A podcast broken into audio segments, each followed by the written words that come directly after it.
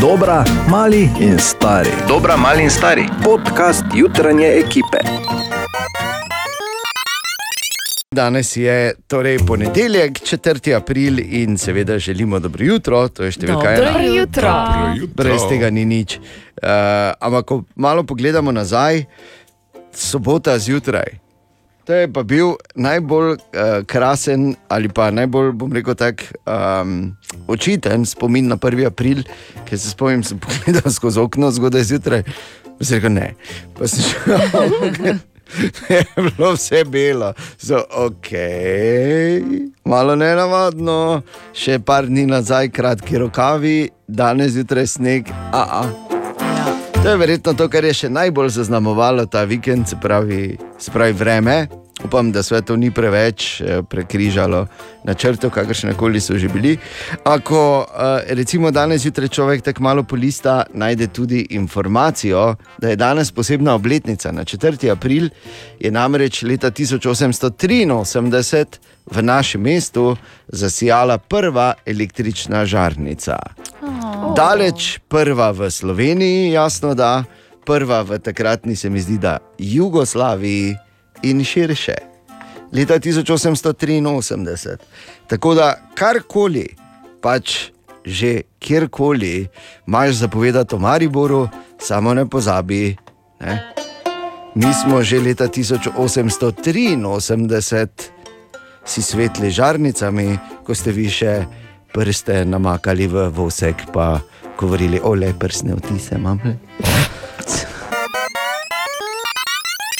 Čas, da osmislimo čakanje na ponedeljek, ko smo recimo v soboto ob pol treh popoldan tako bili, da že enkrat mine ta vikend, o, samo ne pride ponedeljek, da bo Katja Pardon? povedala, ja, da bo Katja povedala horoskop za cel teden, joj. A In ja, zdaj je ta moment. ja.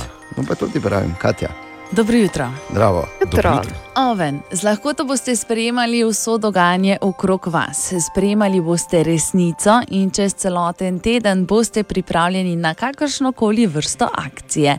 Poslušajte svoje stare želje. Bik, karkoli počnete, počnite 100%. Predvsem delo bo zahtevalo 100% vaše pozornosti. Je pa res, da zaradi tega ne bo trpelo vaše družbene, družbeno življenje. Če ste stamski, le pojdite ven, ker ljubezen čaka. Dvojčka.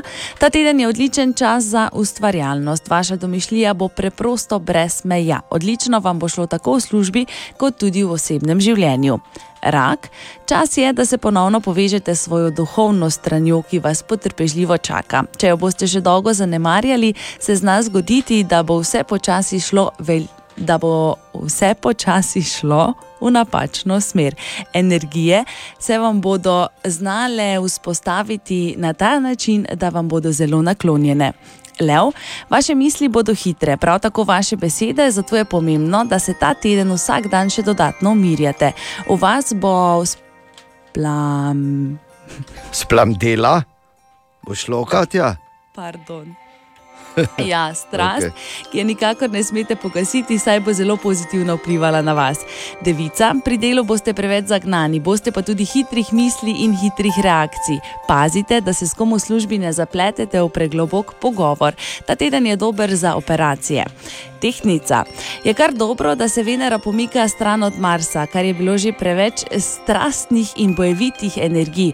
V torek se bo torej vaša vladarica premaknila v znamenje ribi, kar bo odlično, če se nameravate prijaviti na kakšno novo delovno mesto, dejan, poslušaj, ki je povezano z lepoto, denarjem, umetnostjo, modo, kozmetiko ali pa frizerstvom. To že imam. Okay. Škorpion, uh, ta teden boste enostavno sijali, bolj sočutni in kreativni boste. Če ste samski, je to super čas za spoznavanje novih ljudi. Ne pretiravajte z delom, prioritete dajte sebi. Strelec, ta teden bodo ljudje okrog vas vse preveč skrbeli za to, da bodo v vas gasili ogenj. Zato bi bilo vse najboljše, da se neka, nekoliko umaknete in se ta teden bolj v svoji družbi. Kozorog obeta se vam finančni napredek, ampak seveda samo, če boste aktivni in boste ujeli priložnost za napredek. Komunikacija ta, ta teden vam bo tekla neverjetno dobro in pa lahkotno. Vodnar, prav je, da ste kdaj skeptični in ne zaupate vsemu, kaj naj bi. Um, Torej, to naj bi bilo, bilo vodilo za ta teden, boste pa imeli ta teden izredno dober fokus in dobro ga izkoristite. Ribi, preteklost se bo znova prebudila in v vas. Uh, In vas v sedanjosti učila, da je treba vsako delo opraviti do konca in to strokovno, natančno in dosledno, pri čemer pa ne smejo trpeti vaši osebni odnosi, ampak vi boste vse te izzive vzeli zelo optimistično. Ja, valjda, da bom.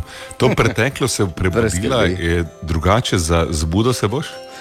Ali pa eh, začel boš končno nekaj delati. Ena od treh, treh. Jutranji sprehod po zgodovini popularne glasbe.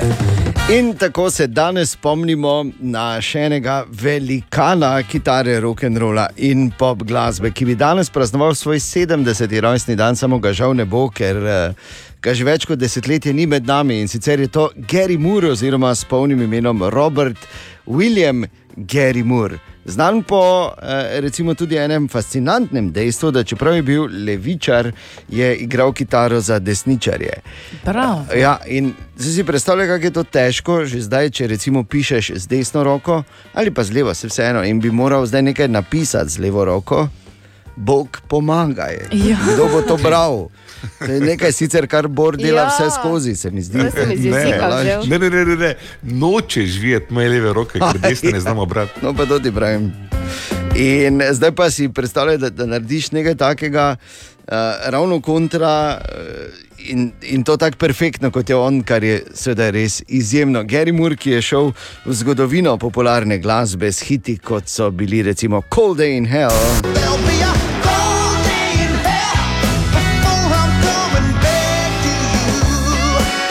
Ali pa s takimi izvrstnimi kitarskimi, niti ne morem reči solažami, bolj uh, pf, liričnimi stvaritvami, kot je bila ta v Parisian Walkways.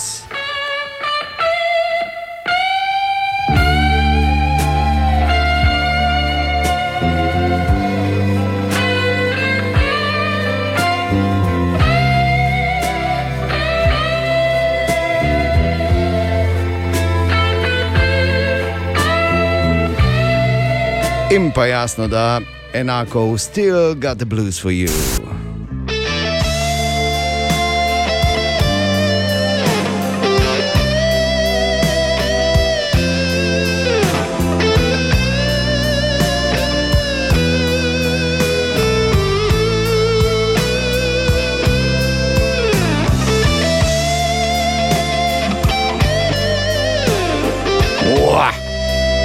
Kurja po celem. Ne?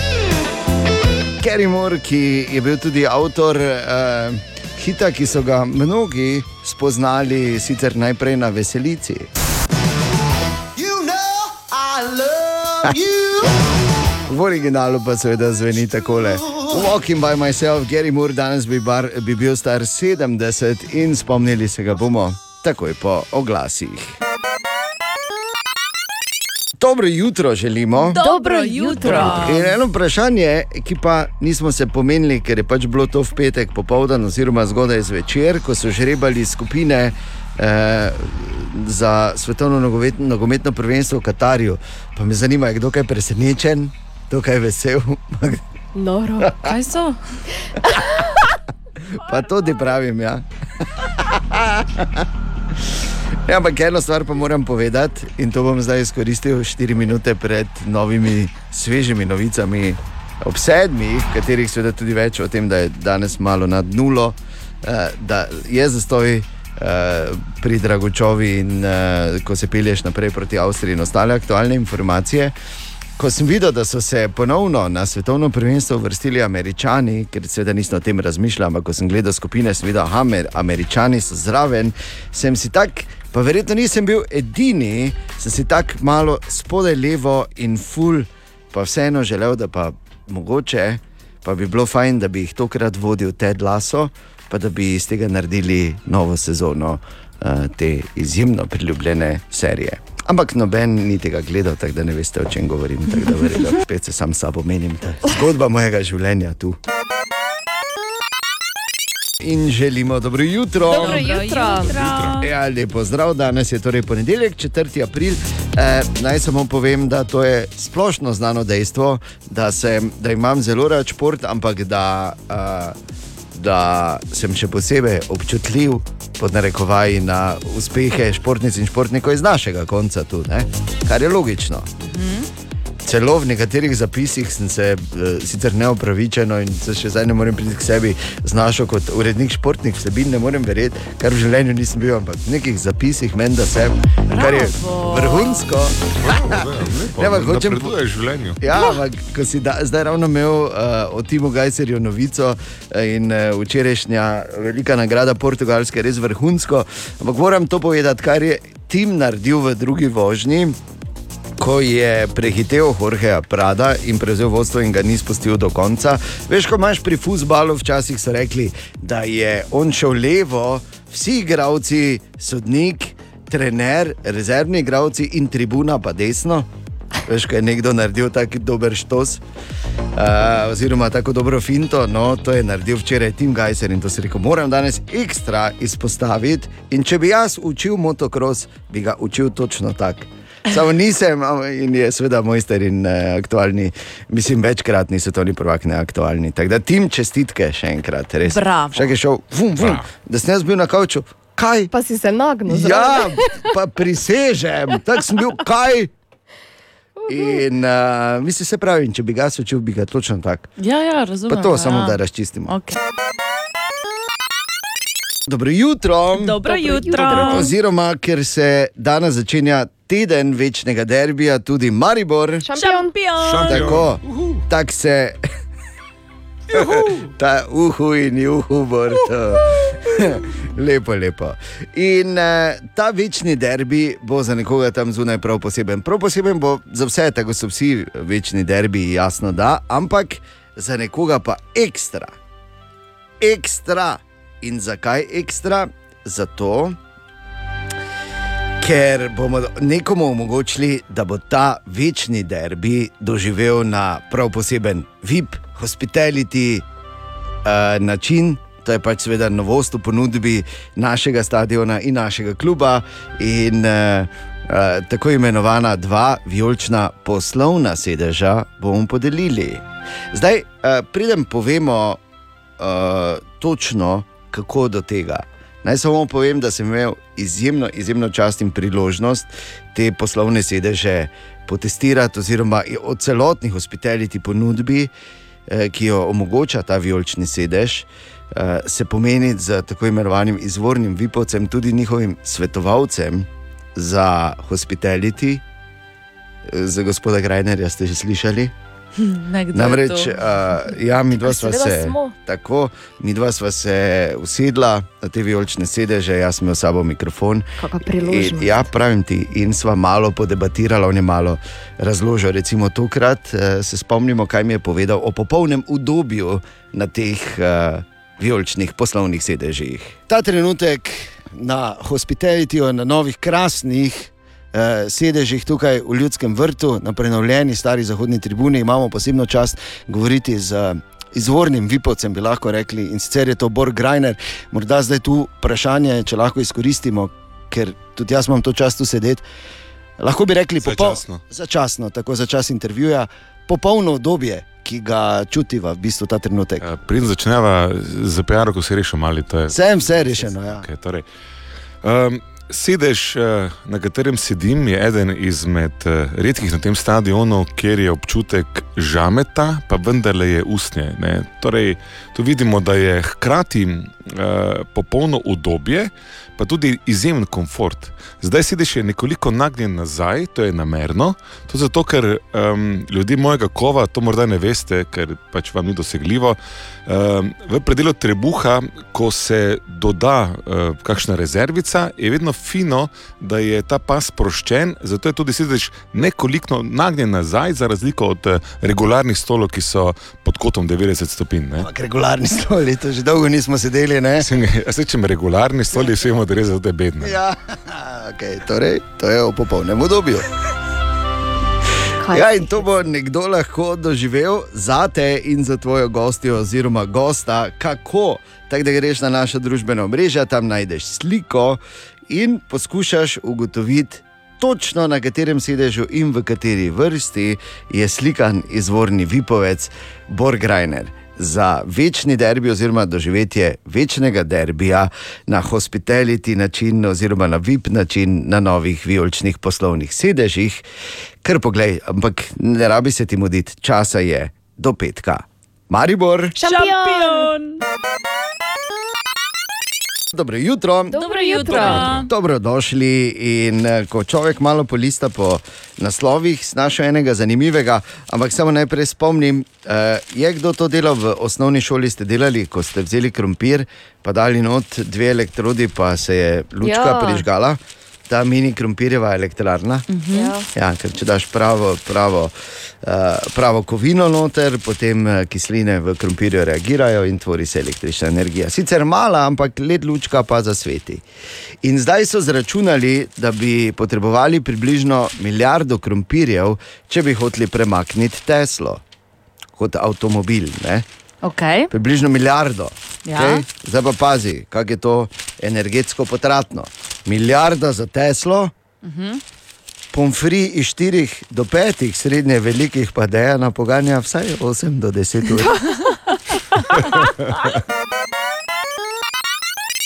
In seveda želimo dobro jutro. Dobro, Dobro jutro. Jutro. Ja. In zdaj je vprašanje, ki smo ga dobili v prejšnjem tednu, a prihranili, da se Bor vrne iz dopusta iz Vedrijana, oziroma iz Črne na Koroškem ali kjerkoli si že bil. In sicer je bilo to vprašanje na temo vojne odprtih oziroma svobodnih prstov na nogah. Poklical je namreč Franca in tako vprašal. Ne samo povem, da bo mogoče na prvi posluh malo nenavadno, ampak eh, prejšnji teden vseeno se spomni, smo imeli kar visoke temperature tudi, ne? Za razliko od vikenda, ki je bil snežen. Dobro jutro, Franca, Breabarato. Nimam da se res 211 nekaj druga bi rad vprašal, ker kralja ni, ne? Več bi ta kralja vprašal, zdaj ga pa ni, pa ga ne bi rad moto. Kdaj se opre sezona šlapov? Ali se je že odprla? Tukaj bolj obožuje. Zdaj pa je že malo toplo, bilo pa ga nič nisem srečal, pa videl me pa zanima, zdaj če je že opro sezono. Evo, kralj. Povejte. najprej za ta gestikularna gesta, s katero kralj pokaže odobravanje. Gestikularna gesta, dobro. Ja. Tako, vidite, to je roka gre v zrak in malo maha. Dobro, dobro. Drugo pa Franca. 2. april je tradicionalno odprta sezona na šlape, v tem smislu, da jaz vzamem 2. aprila, takoj za dnevom norcev, vse šlapice lepo iz omare, ker so konzervirani. Ja. Na to jih malo pobrišem z vlažno krpico, od zgoraj, ne od spodaj, od spodaj jih namočiš v kis za 5 minut vsakega. V, eh, dodam malo sode bikarbone, da se tudi razbarva to, kar se je prejšnjo sezono obarvalo. In He. potem vse te šlapice lepo grejo v predsobo in čakajo na prvi eh, primeren dan. Običajno je to že tako 3. april. Vendar pa letos smo priča hudobnemu delovanju sil, verjetno povezano z volitvami, težko dokažem, Ja. ja. ampak nekako so nam to vreme tako premešali s chemtrailsi pa slabimi idejami. Ne? Da enostavno zdaj ne moreš šlape gor dati, ker je pozeba, nevarnost pozebe prevelika. Mm. Tako da bo treba še počakati malo, ampak ne predolgo. Jaz eh, računam, da vsaj v torek prihodnega tedna bodo prve šlapice šle na sprehod. No, dobro. Jaz upam, da je Šlapice. zadovoljil odgovor Franca in uh, to je bilo to od kralja zaenkrat. O, Tine! In ne bomo verjeli, kdo je nazaj. Tine, dobro jutro. Dobro jutro. Veš, kaj moram, veš, kaj moram najprej vprašati? Dobro jutro. Tine, Ha? ali si, Ne. ko si prišel nazaj, rekel, kako pa vuni sneži, ker je šalca to napovedal, petek, ko smo se slišali. Ko bo prišel nazaj iz trgovine, bo zihar rekel, veš, kako pa zunaj sneži. Če In? ne bi eh, zraven sedel, ko je on to rekel, da bom rekel, ne, Ja, bi bi rekel. rekel. ne. Tako pa sem prišel not, pa sem se samo tako. Tako sem se ščistil, pa sem rekel, eh, se ni tako hudo. Snežilo, veš, kako je snežilo. Res. Evo, to. Smo komaj domov to. prišli. Me veseli, Groza. da ste. In Ja. to v enem kosu. Ja, Zelo tako. smo veseli. Tako. Ja, hvala lepa. No, Jaz mislim, medtem, manj, ko se vi tukaj zdaj te komplimente mečete, pa me ne skrbi, ne, ker tako je kurent letos slabo vlogo opravo, ne, bi mogel iti ven še enkrat. Kdo Ti, pa za ne? to, ker zna čisto zvonce skupaj. Ja, valjda, da bom jaz, kdo pa vse bo tako na koncu vse jasno, naredim vedno, ne. To je. Kaj imam jaz zdaj točno tu? Ja, ti imaš zvonce doma, kaj imaš ti točno tu? Ti pa med nogami. Torej, Tine, kaj imamo danes? Uh,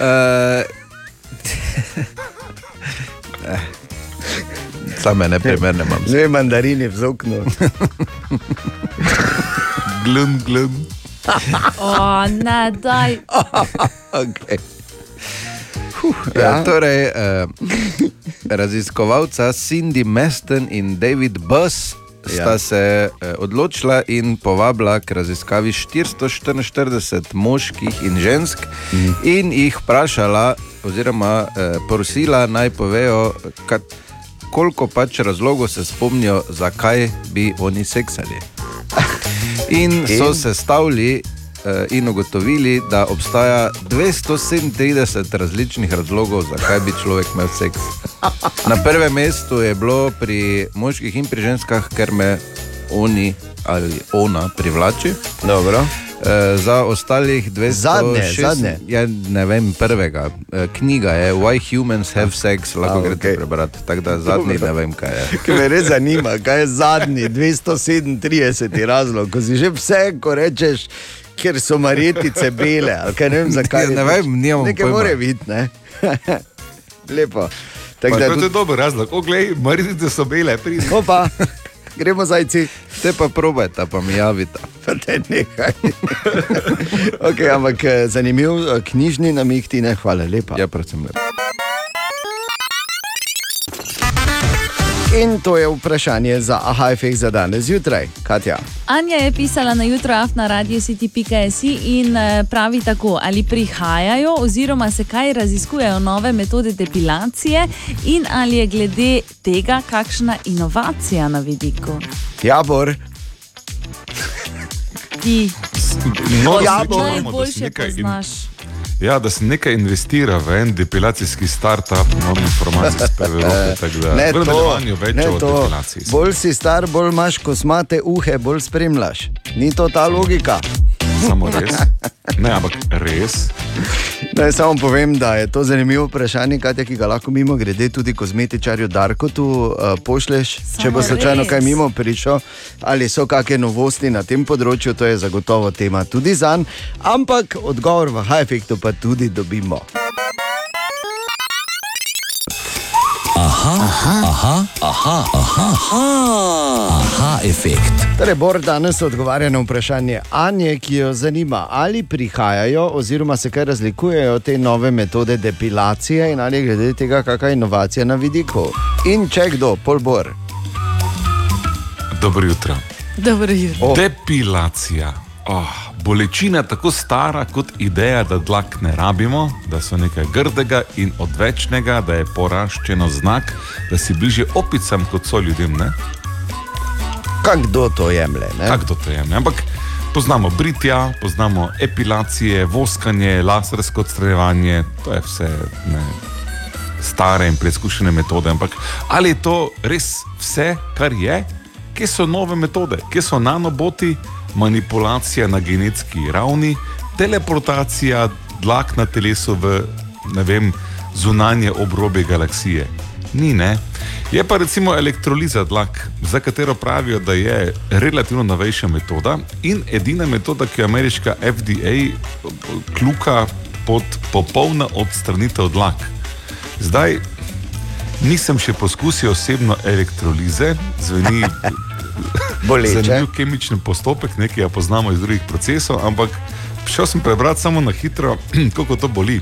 In tako piše, ali nas bo odstranjevanje dlak bolelo, je odvisno od spremenljivih dejavnikov, kot so občutljivost, določene kožne, kožne bolezni, psihična pripravljenost, fizična utrujenost in drugo. Bolelo bo. Tako da, ne glede na vse, je odgovor, uh, so nove metode, ampak nič manj ne bodo bolele. Tak. Ali tudi vi pogosto totavate v temi? Aha, efekt, da boste vedeli več. In po tednu dni premora se vrača naš priljubljeni jutranji segment izborove špajze. Bor, Pa dobro jutro. Ja, Čujte, novic ne manjka, tega sem moral priti nazaj, se veste, kdo bi drugače težil za COVID-om, Ukrajino in ostalimi lepotami življenja. Ampak veste, včasih jaz pomislim, dejan, uh, da se nam prave novice izmuznejo, medtem ko se ukvarjamo s tem, kaj se nam zdi pomembno. Ker kdo med vami pa ve, da je imel Facebook, oziroma kot mu zdaj rečemo, naša draga Meta, enega takega hrošča, en taki bug, da se ti zmeša. Pazi to. Pol leta, in to zadnjega pol leta, je na Facebooku en algoritem, ki bi moral tiste novice, ki so dvomljive, ki nima dobrega vira, ki se skažejo za lažne, narediti manj vidne, delal bolj vidne. Tako da, Aha. mislim, na, na hitro bi lahko človek rekel, da bi pa morda bilo kar res, da rabimo več transparence, pogleda v taka podjetja, več odgovornosti in tako naprej. Ampak si predstavljate, da pol leta. Kaj, kaj pomeni pol leta, ko par milijard ljudi, mm. na mesto, da bi manj videlo neumnosti, gleda samo še neumnosti na svojih newsfeedih? To kaj? ni mali bug, bom rekel. Ne? To po mojem sploh bug ni bil, ne? to so samo izkoristili. Ja. To je bila poslovna priložnost, maskirana v bug, ker če je bil to ta programerski hrošč, polsnjaz, veš kaj? Polsnjaz, muca mehkotačka. To pa vemo. Ja, kar pa To vemo. pa vemo, da je kar daleč od tega. Ja, tako. In je 4 minute čez po. 4 minute čez Je vredno ti? pol šest. Jaz se upravičujem, ampak Bor je skoraj pres. Jaz, Matej šova, oprosti, z nami Ampak- Matej, ne? Samo malo. Če bi ti to videl. Kje je problem? Fraj, kaj pa Sa- kultur je nekaj, kar se podpira v Bor, 2022. zakaj? Oprosti, Vseeno je četrti april, vodno. Dajmo prvič je četrti april in drugič je to za Ano in Katjo, ne za tebe. Tako da Pa prosim, daj, če si fuj, se tako potem gasno. vsi kaj si napačni to nor? vidimo na mesto Ane in. Katje? Da prosim. Če ne bi mene Jo, zdaj to kaj si- vlekli zraven, Veselim. prosim. Lahko, kaj si hotela reči, Pa ni Ana? to lepo Zakaj si presenečenje tam mali jutra, recimo, no? kožušček čuhaš? Joj, Pa daj, fuj, lega, ki je. Hvala lepa, res. Hvala lepa. To, kar je bolj pomembno vprašanje, preden damo besedo Mateju, je, Ne, ni, to je kar kul. Ne, je ne, tak si- se vstane. Tak si kot oni meduznik v kvadro hlaču, ali kaj je že, se vseeno.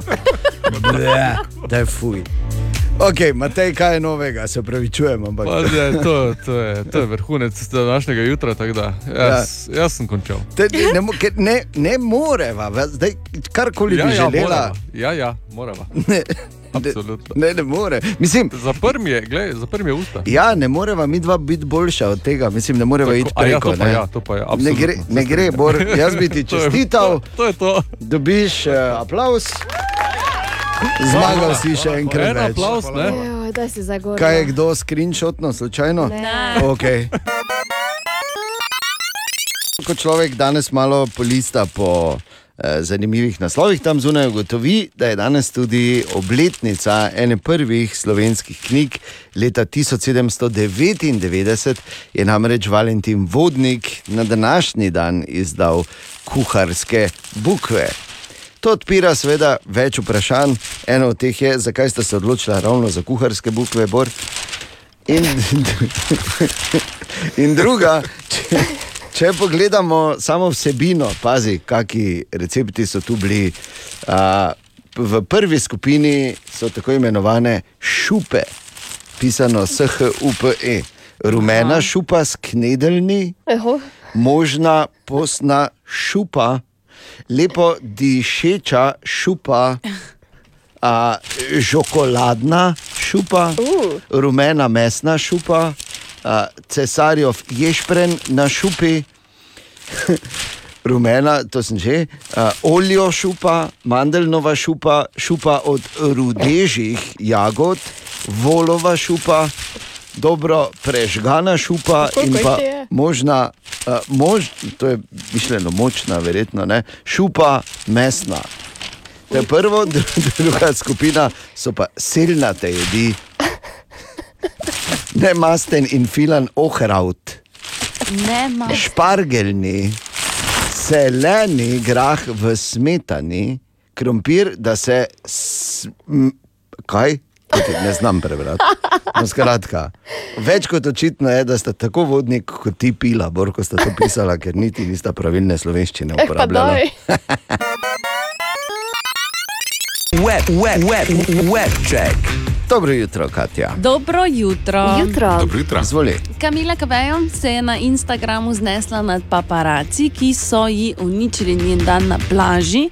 A, Pevka je namreč zaradi nerealnih predstav o ženskem telesu več čas stiskala trebuh in uh, jo je vse bolelo. Pa boga. Not je vlekla. Zakaj Ja. pa? Jaz to nikoli ne delam, pa me tudi noben ne slika. Ja, Što je ključ do uspeha? je bilo, ne, da jo Da bodo malam- spet šimfali. Ajde, ne. no. Ja. Oh, kak so ti obremenjeni. Res ne bi dal njihovih skrbi majmunu na skali, ne? Ja. Povem pač. Okay. A, potem Pink je recimo rekla, da je revija The Rolling Stone irrelevantna že od leta 1990. Lepo. No, to je pa ona, res ima to zapovedati. Ja. Ajde, da Paul McCartney reče, bi razumel. Pink, malo manj. Med drugim je potem Britney Spears priznala, da imajo pogovori o njeni preteklosti na njo terapevtski učinek. Ja, na njo, v bistvu. Vse, ki poslušajo, pa ravno kontra. In pa Elon Musk je po novem 10-odstotni lastnik platforme Twitter, s tem je v bistvu postal največji lastnik Twitterja, in pa v istem trenutku so se delnice dvignile za 25%. Seveda, da so se. Seveda so se. Desetino nekje ima, ne smo rekli. Ja, slabo desetino. da ima še dovolj ostane bor, ne? če bo kdaj hotla malo. Pač nakupiti, se veš, ko včasih mama, pa kupimo pol podjetja. Ja, Ne, Ana, kaj to je običajen kaj pa te mata? ne pa je dobro. Kaj nimava, je A, vprašanje. joj. Uh, mislim, veš, do, domišljija res nima me, jaz samo to bom rekel. Web check. Družinsko doživetje v četrtek v Mariboku v organizaciji Radia City. Sonic 2 gremo gledat in halo, dobro jutro, kdo je poklical? Dobro jutro, Darko tukaj. Darko, dobro jutro. Dobro Dobro jutro.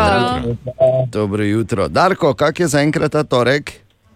Poglej, boljše spor ne bi moglo biti, no tako ti rečem. Resno.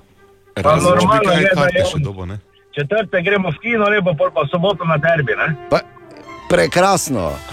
Mogoče celo, pravim, mogoče celo, mogoče celo uh, na, po, po, veš, lahko derbi doživiš na en poseben način. Tudi, uh, o tem bomo sicer v nadaljevanju, podrobnosti najdeš na naših družbenih omrežjih, ampak zdaj se pogovarjamo o kinu. Sonic 2 je film, ki ga gremo gledati. In uh, Darko, mene zanima, uh, pozna, koliko imamo v bistvu kandidatov za peljati najprej. Ja, v bistvu smo štirje, no enega tam malega, dvoletnega bomo pa švrtali. dalo. tak, tak, on tako tako ne more še sam sedeti, ne, še mora nujno biti na Točno tako, ja. Mora mamica ga držati, zato da lahko Ati normalno gleda film. Ja, ja, A ti točno ima tako. kokice? Bravo. Okay, ampak danes eh, se, za, za vstopnice za Sonika 2 se ne gremo neke klasične igre, danes si malo bolj pomagamo kot karkoli drugega, ker veš, Darko, eh, kot oče, vprašanja so iz strani otrok, ne? vse skozi. In eh, ni hujšega, kot če ne znaš odgovoriti. Ne moreš pa zdaj googlati, reči, čakaj malo, ne? pa tako na Ja, brzino. to pa res situacije se zdaj da. Darko, če se zgodi, da v kinu vpraša, uh, da nimo, kak je ime otrokom, otrokoma. Eh, Rok, Manca pa Oliver. Evo, tako. Da recimo vpraša Oliver, a ti ali Sonik lahko plava. A ti odgovori. Jo, lahko. Ne, ne, ne, ne, ne, ne, ne, ne, ne, ne. A ti odgovori, ne, Sonik ne more plavati, to je edini minus, ki ga ima. Okay? Dobro, tako odgovori Ati. Ati reče, Sonik ne more plavati.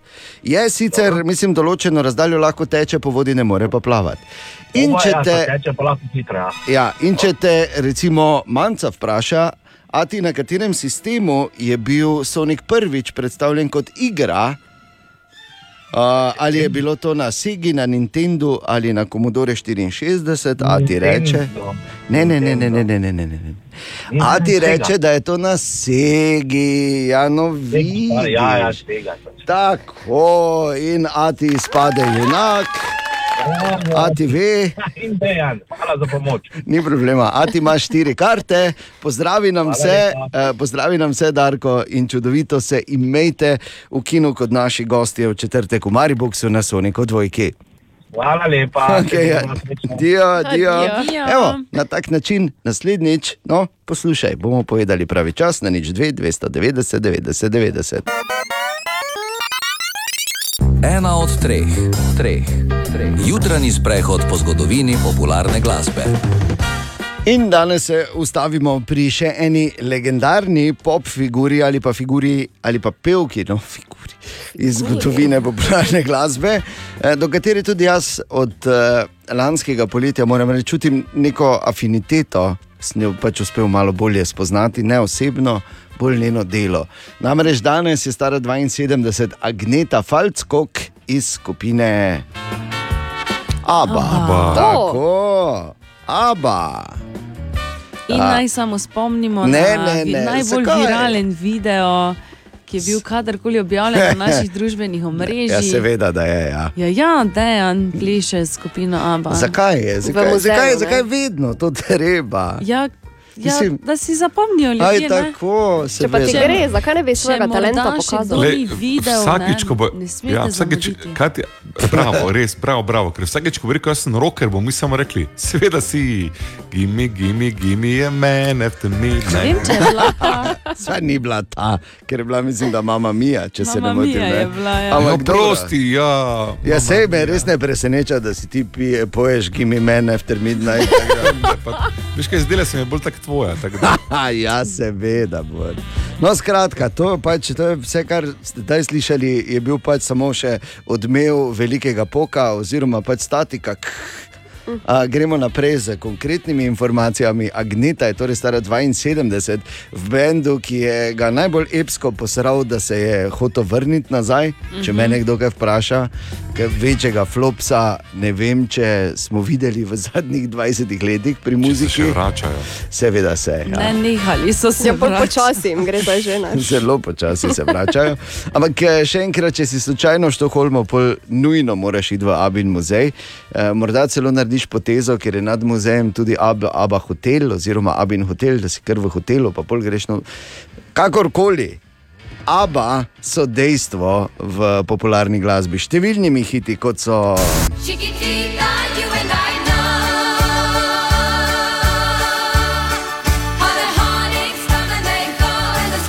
E, mimo grede, to, to sem že povedal, da je prav Čikitita, ki je bila zelo pogosto po radiju tam ob koncu 70-ih, ko sem jaz bil ful mali. V bistvu uh, kriva, oziroma en part v Čikititi kriv, da sem se jaz začel klavir učiti. Sem že povedal to? to je, recimo, jaz imam povezal z Abo, da, da glava boli, res No, grozno. kateri del? Jaz sem v bistvu zamočani član, zgleda ta del, Ja. ko je. To mi je bilo vedno tako kul. Cool. E, če bi jaz to znal na klavir zaigrati, ne, tako sem si mislil. No, skratka, dovolj je bilo, ne, Kako da bi se. nazaj? Ker odpotoval je skozi čas. Ja, no, če, aba me čist vzame, gled, čist postanem emotiven.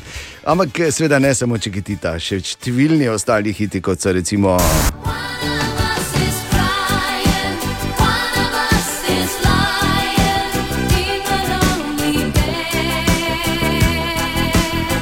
Pa recimo ta, ki, eh, katerega naslov je enak Borovemu srednjemu imenu. There was something in the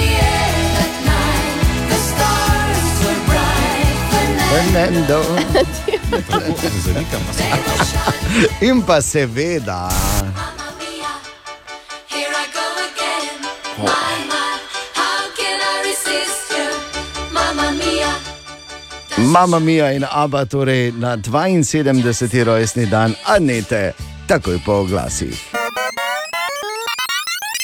Naj samo povem, da če bi kdo slučajno uh, šel iskat kak ta video posnetek, ki ga je zlobna Katja prej uh, spet omenjala.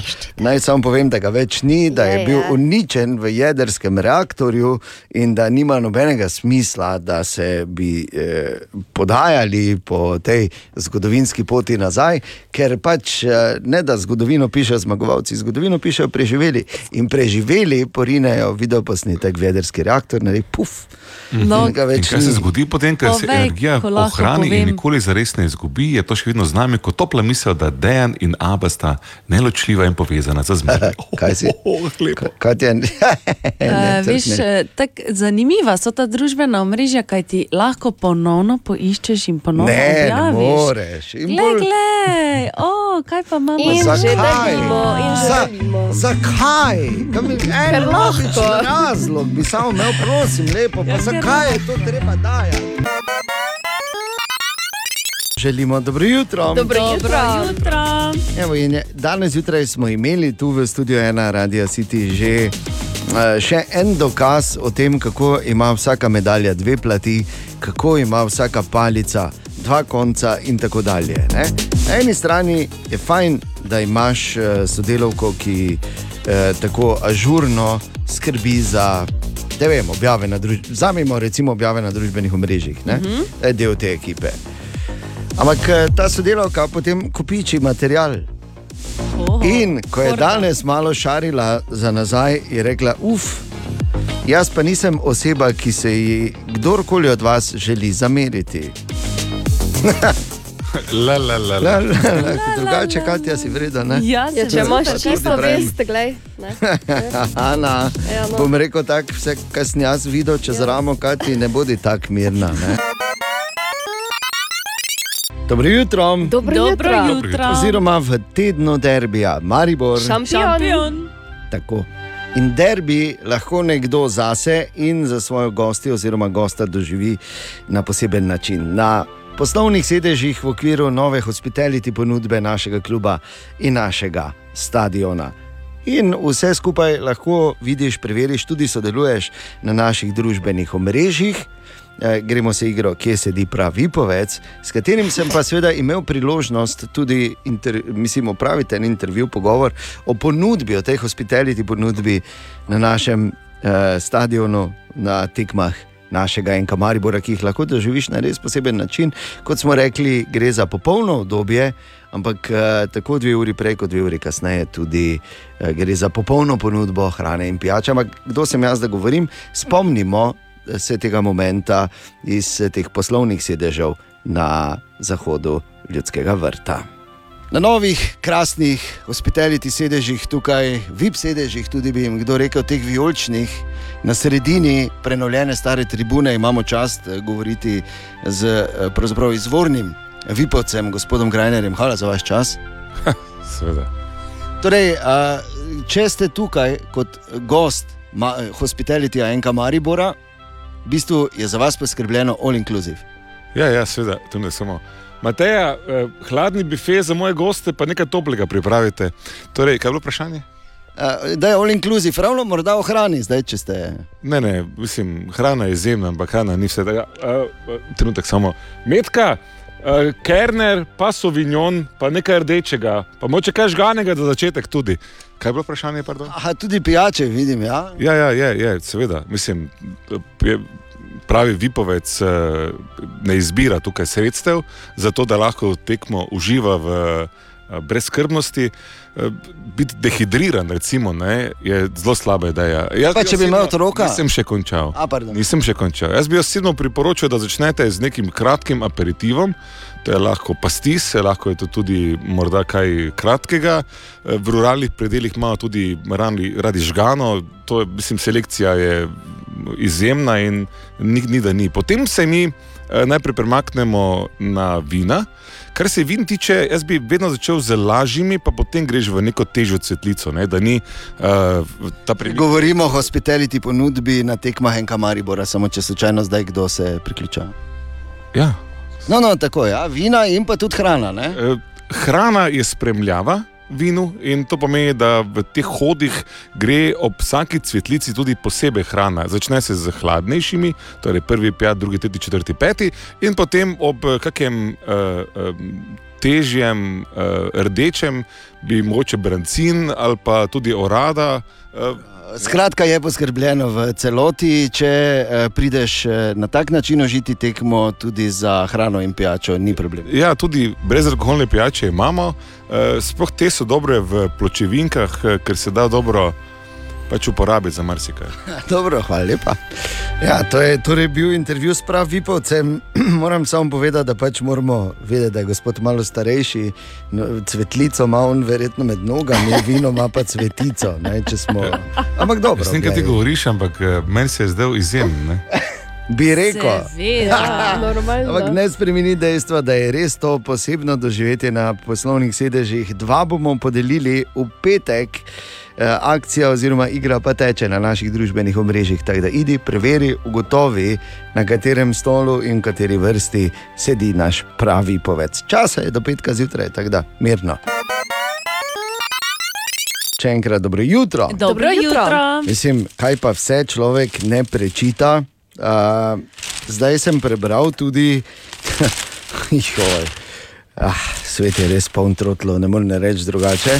Namreč skupina znanstvenikov že nekaj let izvaja projekt, ki bo zdaj kulminiral, ker nameravajo, pazi, v vesolje bodo poslali dve goli figuri, uh, samo zato, da bi iz skrivališč privabili vesoljce. In ali, ok, pazi zdaj, statistično gledano, se ustvarijo pogoji, uh, kjer, se, kjer je planet, kot je Zemlja, pogoji za življenje, da lahko iz enoceličnih organizmov postanejo kompleksna, razmišljujoča in čuteča bitja. Približno en tak primer na galaksijo je, ne? Mhm. uh, tako so zračunali.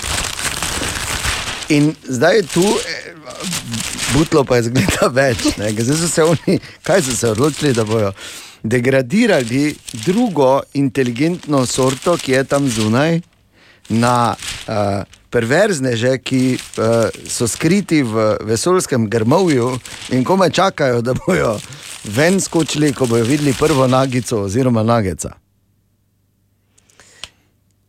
Težko, ne? Ja, ne vem, Ampak- vemo, kaj naj rečem. Jaz jim želim veliko sreče, ker je res, kot si rekla, Ana, ne vemo, lahko da se motimo in takrat bom jaz prvi, ki se bom opravičil. Ampak na temo objav in nagecev imamo mi tudi danes pripravljeno eno prav posebno stvar, takoj po teh aktualnih hitrenih informacijah. Zdaj, uh, Katja in Ana lahko potrdita, malo je stvari, ki jih recimo, ki meni vzamejo možnost uh, artikuliranega govora. Res Ja. je. Včeraj se je taka stvar zgodila, ko sem mimo grede pogledal na ekran in videl, mislim, okay, samo da se spomnimo, to je bilo to včeraj. In je 4 minute čez po. 4 minute čez. Je vredno ti? Poljes.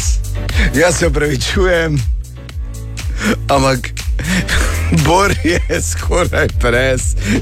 Matej šova, oprosti. No, skratka. In tako se je včeraj zgodilo, da je ha, Bor presenetil, Ja. ampak kar je bilo žalostno, najbolj Res mene. Za, ja. verjetno je presenečenje bilo pripravljeno za vaju, ampak je. Sem seveda jaz, kot pregovorni osel, zagazal v celo. Ne? Tudi jaz Oziroma v nisem polno. spala, če Kaj se re- popeto laže. A, okay. Ja, mogoče Ampak- morate imeti včasih kaj ugasnjeno. bi bilo lažje, res je, res. res, Zakaj? res, res. Zakaj, zakaj Katja? Zakaj? Ne, Bor, to mi tebe sprašujemo. Po zakaj. drugi, po drugi strani pa moraš vedeti, stari pregovor pravi, če te hudič ne opazi, delaš nekaj narobe. Ja. Ne, To pa pa, ja. zdaj pa eh, naša cenjena in izjemno hitra, ročna in zanesljiva sodelavka Ana Lakota, tezno, je uspela, je uspela uh, na hitro tudi posneti screenshot tega, kar nas je včeraj tako vznemirilo.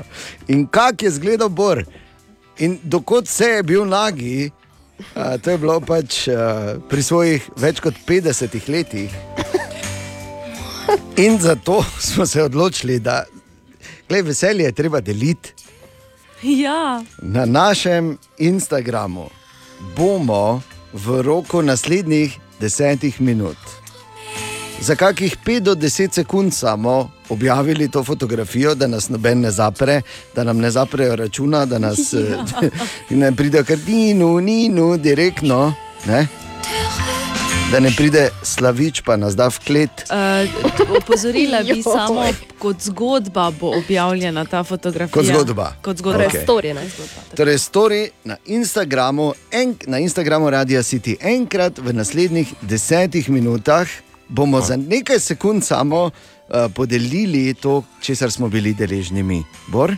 Ampak zakaj pa samo za nekaj sekund, se pa ne? Verjemi, Dovolj. v redu je tako. Dajte mu Bi se vsako bi še minuto. imeli, No. veš. Dajte mu, če si ti to kojn. Ja, posebno ne, alter je ego, veš, tako. nagemu telesu, ne, takem. A to je Ja, misel. Dajte mu okej. teleso. Ja. Ja, Ja. okay. V naslednjih desetih minutah na našem Instagramu bomo vmes enkrat ne bomo povedali, kdaj, samo za par sekund to objavili. Tako da spremljaj, če ti je. O, Tine! Ja, dobro jutro, Tine. Dobro jutro. Jutro. Dobro Jutro. jutro. Tine si opazoval, uh, spremljal naš eksperiment na Instagramu. Sem opazil tudi. Ha, okay, dobro. Lepo, ne? Ma, eh, ne, če veste, ampak Tina je bil pravzaprav pri Frajkope kulturi eden od začetnikov tega gibanja in ima še do danes, eh, do današnjega dne veliko spoštovanje do dobro izvedenega performansa. Čeprav Tina, za razliko od mene, uporablja tudi manj v predelu uh, um, pasa, ne, torej dejansko med stegni in križem, uporablja manj obleke. Ampak, uh, To ve zato, ker ima zlato Princip je pa kolekcijo. isti. Ti imaš zlato kolekcijo, Zlato ne? kolekcijo. Ja. Tine to, ja, ja. Okay, Saj ne, dobro, vem, ne vem, kaj je bolj narobe tu. res, Res. vse, vse. Ne Kaj, vem, če bi se začel. premaknili? Ja, dajmo se premakniti. Pa...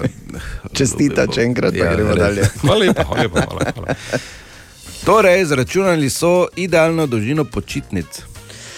Naj uganem. 14 dni. Ne, 7 mesecev, 22 dni. Ne, dvakrat po Gut. šest mesecev, mislim. 8 dni. Kaj? 8. Ja, 8 dni. Uh, zračunali so pač, da je po uh, 8 dneh se človek popolnoma uh, sprosti, pa, si, uh, pa pozabi na svoje zadožitve. Po 8 dneh pa to veselje začne upadati, in po 11 dneh si v bistvu že skoraj da nesrečen. A, se pravi 8 dni, ampak na mesec. Ja, Na to zdaj- teden bo težje, ne? Na teden bo težje, pa tudi Ja, na mesec konja. dvomim. ne. E, ampak, no, ja, tako da, ko rezervirate zdaj, e, pak pa rab pa to 8 dni, Osem dni. probate zrihtati, ne. Tako, na mesec. Na mesec. Ja. Če se že pogovarjamo o futbalu, smo v tednu večnega derbija v našem ljudskem vrtu, zato Maribor. Šampion. Šampion. Točno to. In ob, seveda bomo imeli tudi vstopnice, brez skrbi. Ampak trenutno, oziroma v tem tednu, se trudimo zjutraj. Eh, Omogočiti večni derbi na nepozaben način. Na, uh, v okviru te nove ponudbe hospitalitija našega kluba in našega stadiona dva poslovna sedeža bomo podelili in sicer tako, če ugotoviš eh, po fotografiji, ki je objavljena na naših družbenih omrežjih, kje v tem hospitality segmentu sedi pravi poved zbor.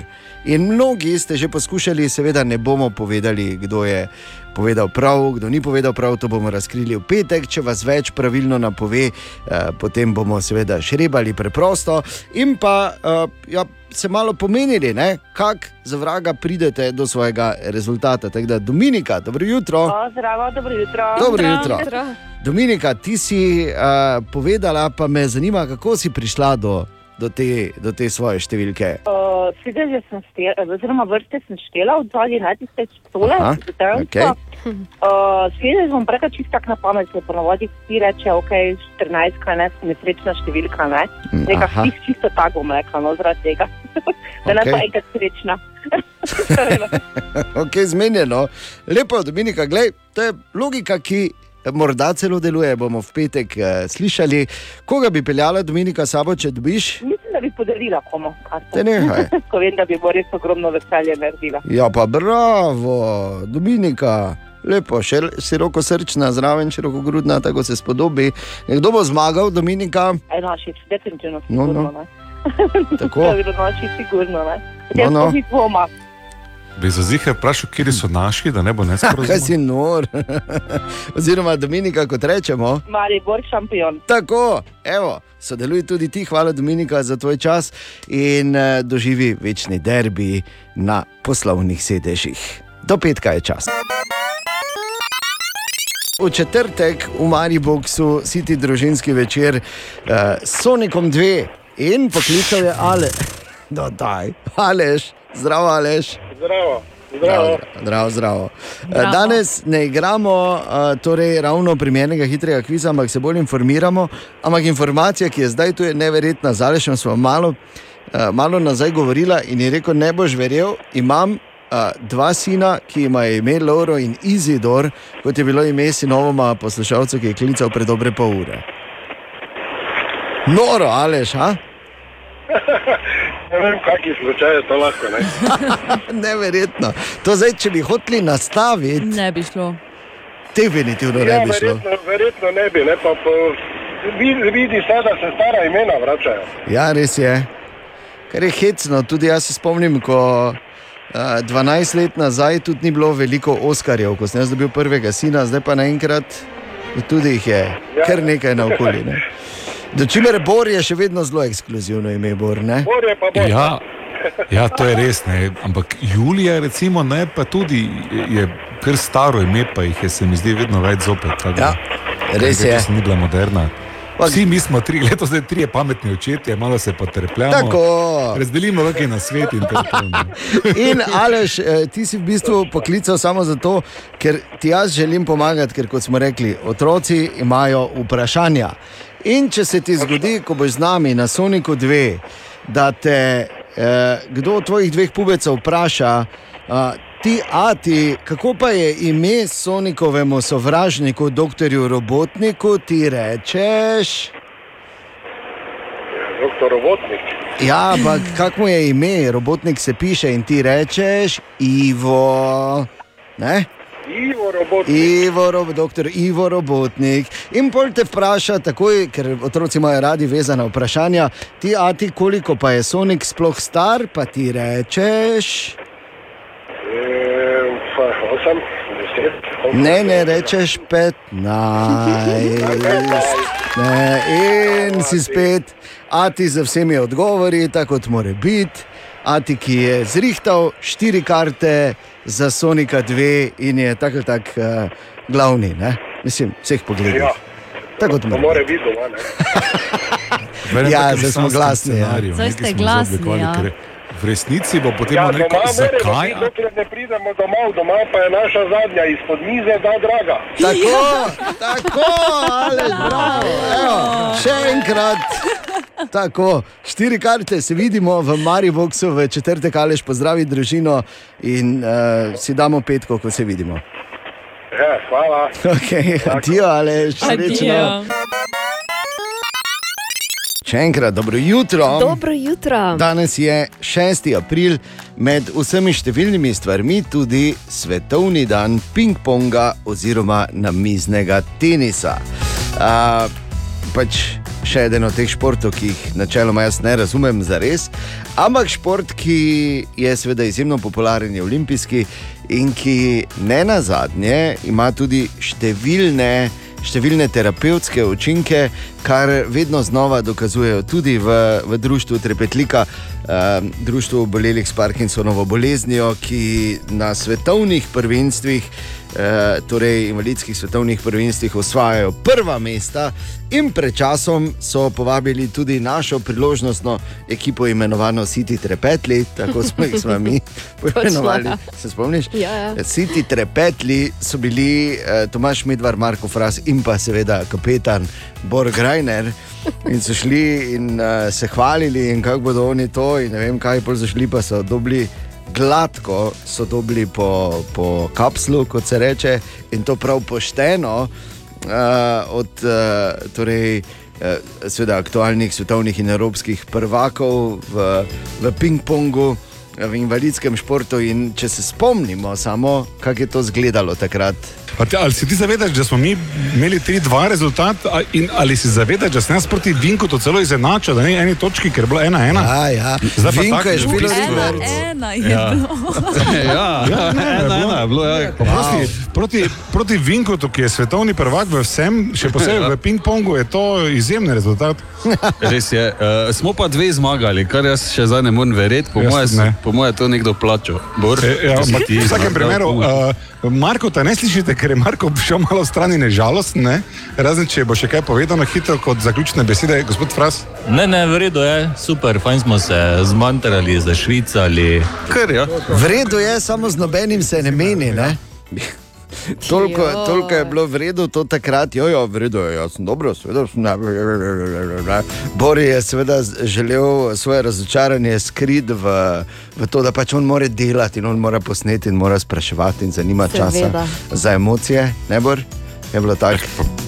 Pač Vinko je izjemni igralec. Ja, res je. In eh, seveda na tem mestu bi izkoristili, ker je pač svetovni dan ping-ponga danes, da pozdravimo Društvo Trpetlika in vse športnice in športnike eh, in jim seveda zaželeli, oziroma želimo še veliko.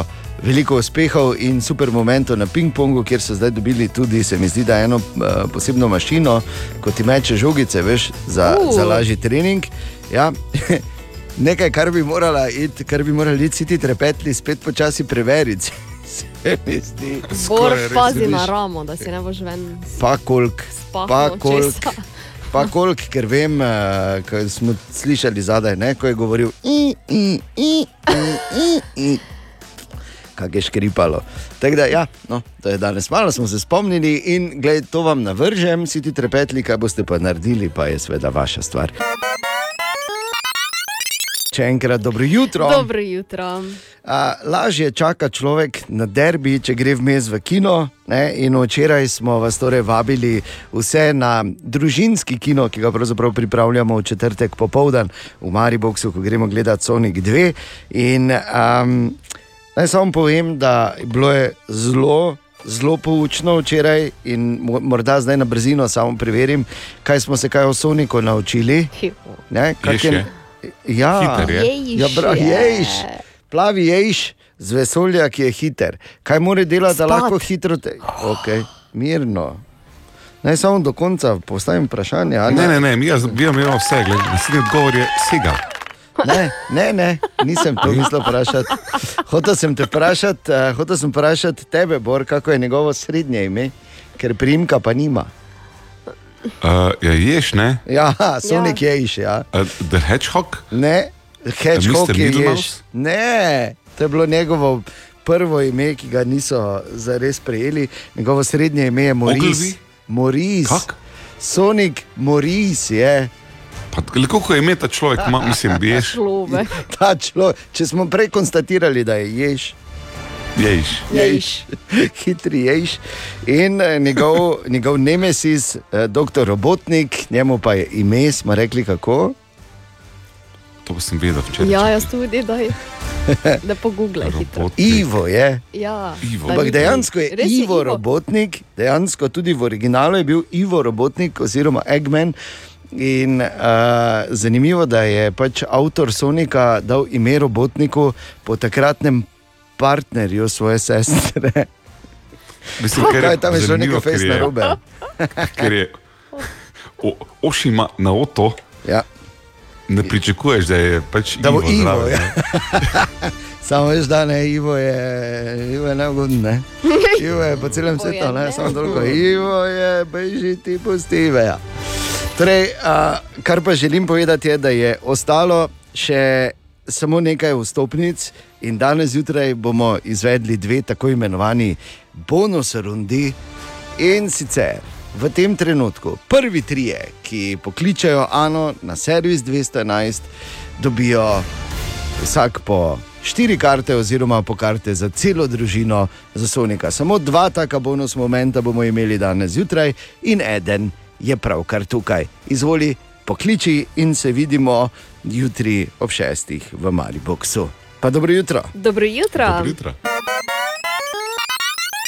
Dobro jutro še enkrat. Dobro jutro. In uh, moram deliti z vami nekaj, kar me je izjemno, izjemno razveselilo, ko sem prebral to včeraj.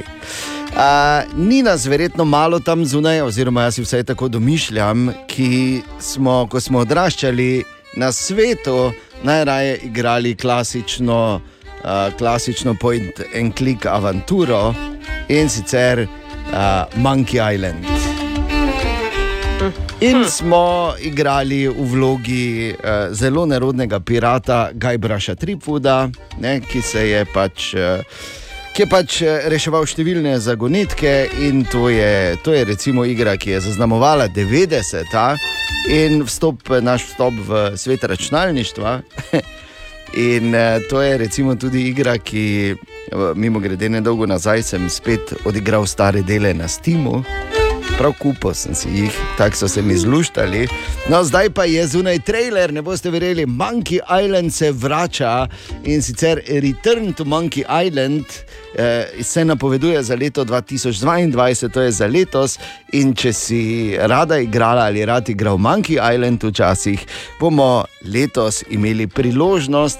In to izpod peresa originalnega avtorja Rona Gilberta, ponovno zaigrati to klasiko, polno humorja in eh, zanimivih, zanimivih preobratov.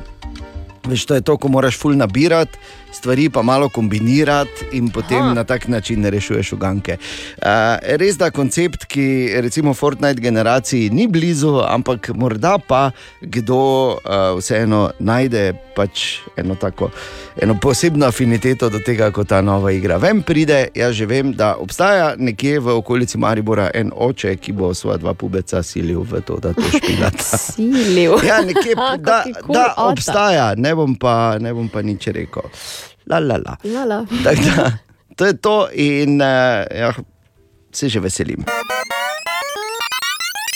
Torej, sedem krogov še je ostalo do konca tega prvenstva. Napeto je, Maribor je na prvem mestu, ale tri točke pred Koprom in v soboto pride v Ljudski vrt na večni derbi Olimpija, ki je tudi prerojena, kaj ti vodijo, seveda, ena od eh, večjih nogometnih legend iz teh prostorov, Robert Prosinečki, tako da bo, tako da bo napeto. In ti lahko ta večni derbi doživiš ti in še nekdo zraven tebe uh, iz tako imenovanega VPS-a oziroma vijoličnega poslovnega sedeža.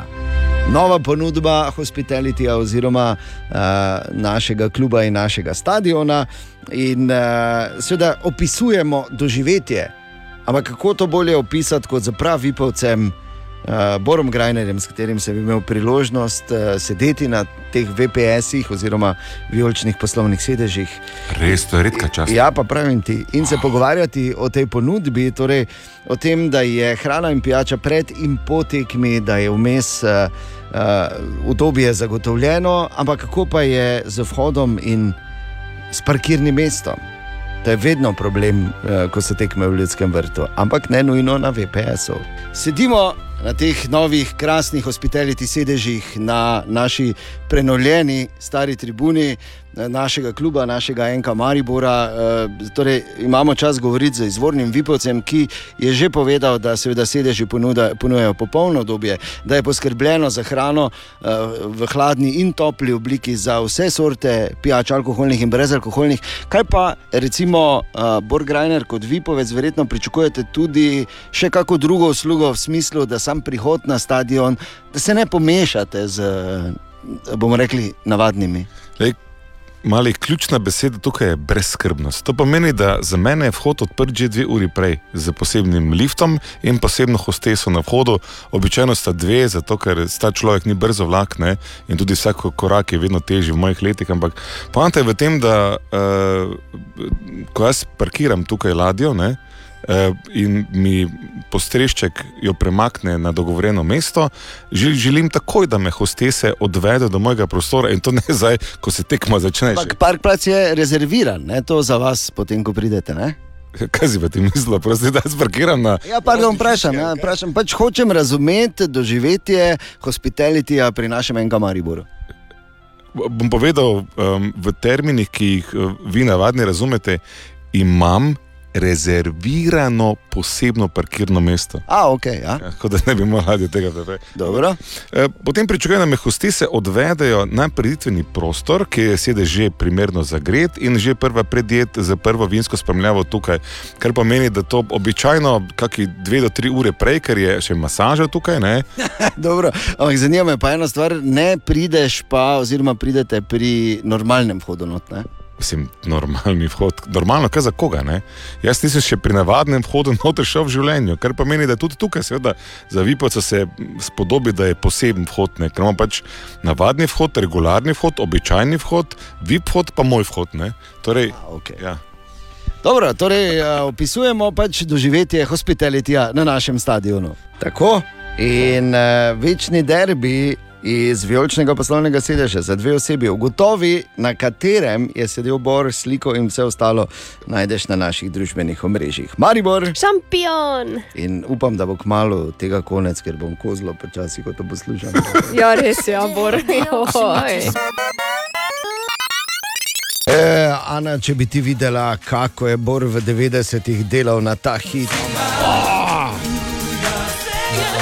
Vidim v, ga. V, v vseh okoliških diskotekah, v Vieni, v Oxygenu, Lega in roke. pri Čelanu, Lega. Dr. Alban in Sing, aleluja. A to je zdaj bil en sprehod. Ja, hvala, Bor, dobro. Ja, po aleji spominov.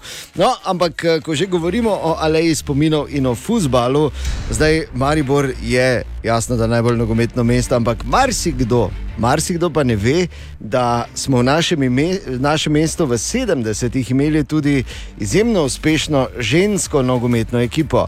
In pred nekaj dnevi je šla tudi knjiga z naslovom Punce Kapo dol, avtorja Vida Kmetiča in eh, zadevo je raziskal David. Izvoli, David, dobro jutro. Tako, takrat so v bistvu pri nas v našem mestu in pa v Ljubljani objavili en poziv za punce, ki bi rade igrale nogomet.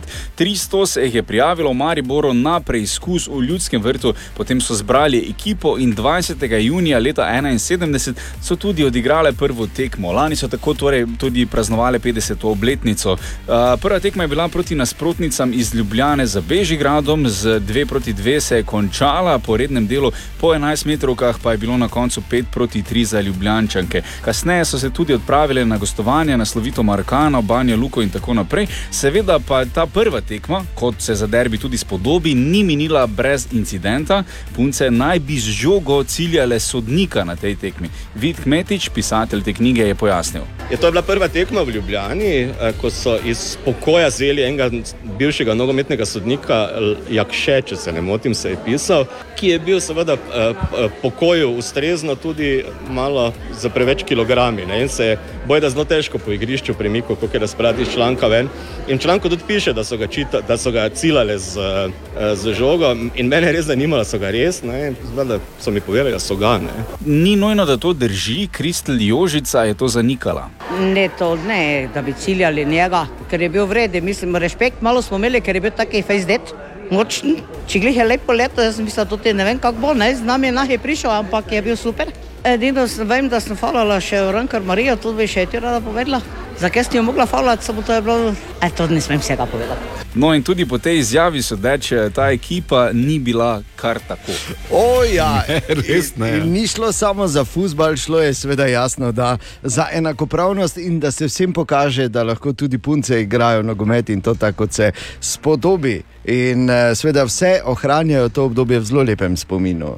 Sonja Krancem jaz, igralka Maribora v letih 71 do 73. Kaj je pa to okolica takrat sprejemala? So bile kakšne težave? Okolica, ja, ja, mislim, malo čudno, ne? Dan danes, če, če nekdo, tako kot naše fantastične skakalke, tak pred leti, si- 50 leti si nisi mislil, da bodo kdaj ženske skakale, marsikaj takšnega, kar- je danes že samo umevno, naprimer, ne? Takrat je bilo to malo, o, to pa, o, ženska, pa nogomet. Jaz sem Jelka Pušnik, eh, kot igralka pa sem bila Jelka Mrčun.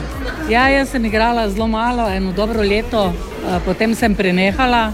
Ampak imela sem pa uspešno kariero, letno kariero. Dala sem, bila sem nogometaš tedna za Horjakom, dala sem prvi gol, dala sem naslednji gol v tujini, tako da imam kar nekaj golov na vesti. Ja. Uh, Kaj je bilo to, nisem prej razumel? Trener je dobil rdeči karton. Trener, ne, ne, tisti rdeči karton je dobil, to, ko so igrale punce za novinarje. Takrat je dobil uh, to rdeči karton, ker je, bom povedala po na glas, šlo to punce. Pravice zadoščene. Pravici zadoščeno. Ali pa ne, no. Eh, Širec Ana, prej sem se pisala živko. Začela sem eh, v prvi ekipi, čist na začetku, in eh, igrala sem približno dve leti. Usporedno tudi trenirala atletiko, tako da prvi dve tekmi sem igrala v Ljubljani in Banja Luki. Pozneje sem nekaj časa še igrala, pol pa so bila leta tu, da se počasi poročim in poslovim. V vsakem primeru knjiga Punce kapo dolo o ženskem nogometu v Mariboru v 70-ih zelo zanimivo branje. Priporočamo. O, Tine! Dobro jutro, Tine. Dobro jutro. Zdravo. Zdravo. O, Tine. Zelo se veselim današnjega najnega snidenja, ker sem včeraj pripravil en podatek, ki je čisto zate. In se zelo veselim, da bom na vrsti lahko danes in ti pomagal pri tistih živalskih. Se veš, Prosim. Tomaž? Čem se zdaj pogovarjate? vidva? Ne bi vedel. Samo Ja, dobro jaz, jutro. jaz točno vem, ampak samo pravim ti, svarim te, čakam na moment, ko boš rekel živalska in jaz krenem. E, dobro jutro, mimo grede. Okay, tine, če kaj, prosim, ne Ne reči, bom rekel ne živalska, reči besede na to- ž. Niti slučajno. Ja, okay. Pa tudi, če bi imel vse od vseh totih že pripravljeno. Te ni ože danes. Ne, ni, ni. Danes ni ože. Lepo, lepo. Mislim, se že so fajn, ne? Mimo grede, Grajner. Eh, ne rad eh, o privat zadevah, eh, sploh v eter razglabljam, ne. ampak ja. če danes ne prineseš kave zraven, ne. ki jo skozi pije, pa nikoli Te ne s to prinese. jazvo Če sem pa zadnjič mleko prinesel. Zadnji. Jaz sem 700 litrov mleka, že sem prinesel, kaj bi ti rad. Res je. Je pa dobro. Kavo prinesi se- ali pa ne bo kave, pol pa bom Natalijo na tebe spustil, pa se z njo zmeni. Tak, evo, zdaj sem ti pa bo rekel, je Ili to. kaj pijemo. Huda grožnja ti ne Ja, Samo ne, mi z to ni bila nekimi neka totimi, grožnja. eh, eksotičnimi barkafe prinesi. dobro. Nekaj časa smo zlato zrno pili, tako Zlato zrno imaš ti več. Pravijo. Torej, okay, Tine- lahko živalsko zdaj, ki si se pripravil. Ja, ok, povej. Okay. Moške čite, torej panteri, ne? Moške čite. Mo, pan, kaki panteri, če so gepardi, to Pojn. pojn. To je gepardi, no pač no, ampak čite, ne? Ne, ne, Čite. gepardi.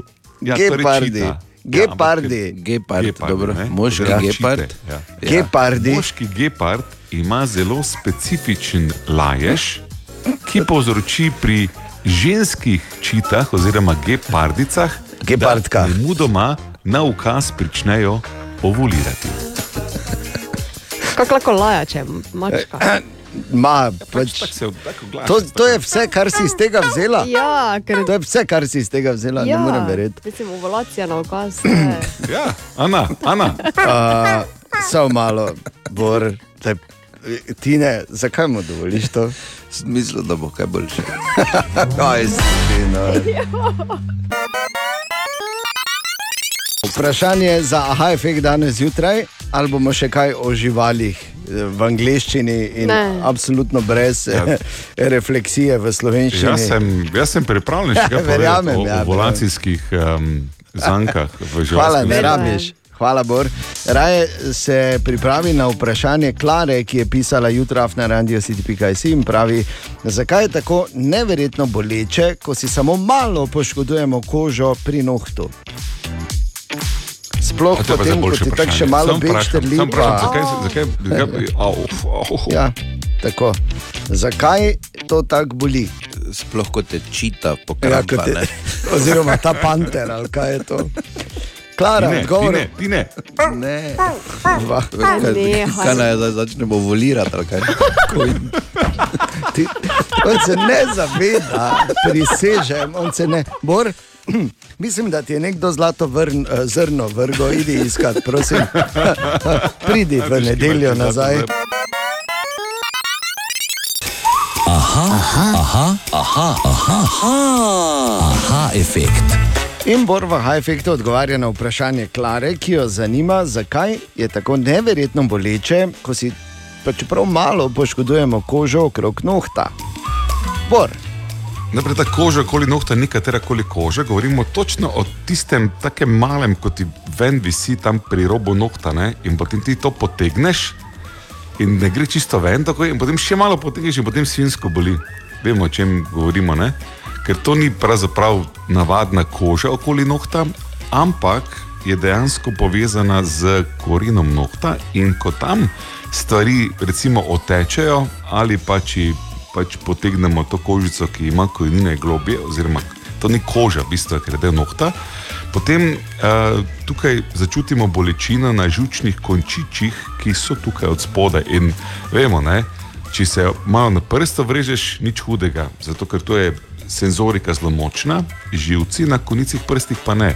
Medtem ko pa bezu v globini nohta, oh, čutimo čisto nič, boli pa kot satan. Tako da, mm, če se hočete kaj vrezati, se ne režite. Tam, ne. Ampak gori na Oh, boli me. In obratno, če hočete klavir igrati ali pa nekaj nežno čutiti, kako prsti drsijo čez kožo, na to probate z nohti delati, ne? ker pač ima vsako svojo funkcijo. Bolj si bil zanimiv, ko si govoril o ovulacijskih posebnostih pri gepardu, je vse, kar Se rekel. strinjam, ampak pač tako je. Ne? Živci. Tako je življenje, ne, kaj Še, še, posebej, ja, še posebej narodno, če ti pa zateče ta del tudi zadaj, oh, in je potem eh, prst tako ja. nabrekel. In, oh. Vedno je narodno, če ti zateče, sploh če ni primeren čas. To je res, je, ampak v tem primeru tukaj je potreben običajno operativni poseg. Ni enostavno. Ne, sem tako na kazalcu, vem, o čem govorim. Oh, slabi spomin. Lahko nehaš, prosim, pridem vsi od, odstopimo. bolelo, če se Ali daj. tudi vi pogosto tavate v temi? Aha efekt, da boste vedeli več. Veliko je krajev in mest po Sloveniji, pa posod, kjer veš, ko se nekaj zgodi, ljudje, ki tam živijo, radi rečejo, eh, samo tu. Ne? Ampak se mi zdi, da nekjer tako izrazito in tako izraženo, kot je to v našem mestu, v Mariboru. Tako da samo v Mariboru ali res, Jaša Lorenčič, dobro jutro, izvoli. Zdravo. Zdravo. Maribor je odprto mesto, ki premore ogromno sočutja. Ampak empatija ni tako samoumevna. O ne, vse smo odprti, pomagamo, poslušamo, reagiramo, stopimo skupaj, ni da ni. Samo nismo pa ravno uvidevni ali pa mega potrpežljivi do samoumevnega sočutja ali v domačem prevodu jamranja. Zdaj na kaj mislim? Recimo, da sosedi že pol leta obnavljajo stanovanje in ti je kmalo jasno, zakaj to traja že pol leta in ti ruži na drugi strani stene. Ker štemajo v mikrodozah, ena ura v torek, pol ure v četrtek in tako naprej. Nič čudno, da se potem zavleče. In potem greš, jasno, pač na družbena socialna omrežja in to prijaviš širši javnosti, svojim prijateljem, znancem, kolegom. Češ, z malo humorja, da bi recimo toti, ki delajo pri sosedih, karavanke z malo več volje prebili z igr v enem vikendu, če bi se jim jasno dalo ali pa pač če bi jim na kakršen koli način pač zneslo. Sočutje bi, empatijo, ja, seveda, ja, valjda. Kar dobiš, če tako malo pojamraš, je fotka, tako imenovani mem. In tam enega majstra, ki je res navdušeno in pune hamre vrta v steno. In spodaj je pripis, ker je stena najbolj mehka v nedeljo ob 8. zjutraj. Ja, samo v Mariboru. Definitivno. In to je naš priljubljen jutranji segment iz Borove Špajze, ki smo ga včeraj tako grozno, ker smo pač vabili ljudi v kino, eh, zradirali. Ne? In je Ja. ja. bil nekdo žaljen, ampak glej, kaj češ tako je življenje. Ne vem, zakaj se me ven meče, ne? kakšne vrste zarota je to. Ne? Ja. Tako. Če, si- ker če imaš kaj zapovedati o tem, boš da zdaj poveš, pa to javno rešimo. Ne, pač... Ker če povezano z moče z kakimi političnimi afinitetami, ki jih imaš, ne? Povej mu, Ana. Splet okoliščin je bil v bistvu bor, tako da ne išči teorij zarote, prosim. Ne, ne iščem teorij zarote. Um, V Borovi špajzi se pravzaprav pogovarjamo ravno nasprotnem. O tem, da ko je svet ponorel uh, in ko vse okoli nas divja, se moramo obrniti kam? V sebe. Ne? Samo na sebe se lahko zaneseš. In eno tako zanimivo misel od Johna Spaldinga, uh, ki je živel v uh, drugi polovici 17. stoletja, sem pripravil. In gledajte, kako so že takrat ljudje modro razmišljali. Pa se lahko skregamo, kot tega, če se strinjate, Ana si pripravljena. Ti si mlada oseba, na Sem nas pri- že obupa. sem. Tako da, Ja, mlada oseba Ja. ja. stezna je pripravljena. ja. Delaj tako, kot verjameš, in verjami v to, kar delaš. Vse ostalo je samo zapravljanje energije in časa. Hm. Verjamem. ne, si je enkrat povem, Razočaran je, ker se nisi. Bi Ja, samo bi rekel, mogla? bi dodal še samo to misel, ki pravi takole. Mislim pa, da je bil angliški filozof, ki je Bertrand Russell, ki jo je izgovoril in ki pravi, uh, če se imaš fajn, ko zapravljaš čas, to ni zapravljanje časa. Želimo dobro jutro. Dobro jutro. Danes je torej že četrtek, 7. april. Ja, kaj bomo? Ja, kaj čemo? Mamo! Mamo! Smo vsi? Smo! Smo! Opa! Dobrodošli. Še enkrat dobro jutro vsem skupaj. Dobro jutro. Dobro jutro. Dobro jutro. Že vse skozi, odkar je začel, pa tudi ko je imel vmes pauzo, smo ga spremljali. Olija, Dovokerja, ki uh, je na eni prav posebni misiji, da prehodi vse tri Amerike. Torej začel je čisto na jugu Južne in se je premaknil preko Srednje, zdaj je že v Severni Ameriki uh, z svojo psičko Karlitos, ki jo je posvojil v Južni Ameriki, sta eh, pred dnevi ravno prečkala Združene države Amerike. Uli, lepo zdrav, zdravo. Lepo zdrav vsem poslušalcem Radia City. Evo, Oli Walker se nam spet javlja. Zdravo, Uli, torej povej, odkot točno se nam oglašaš? Iz Kanade, iz svoje 15. države na poti.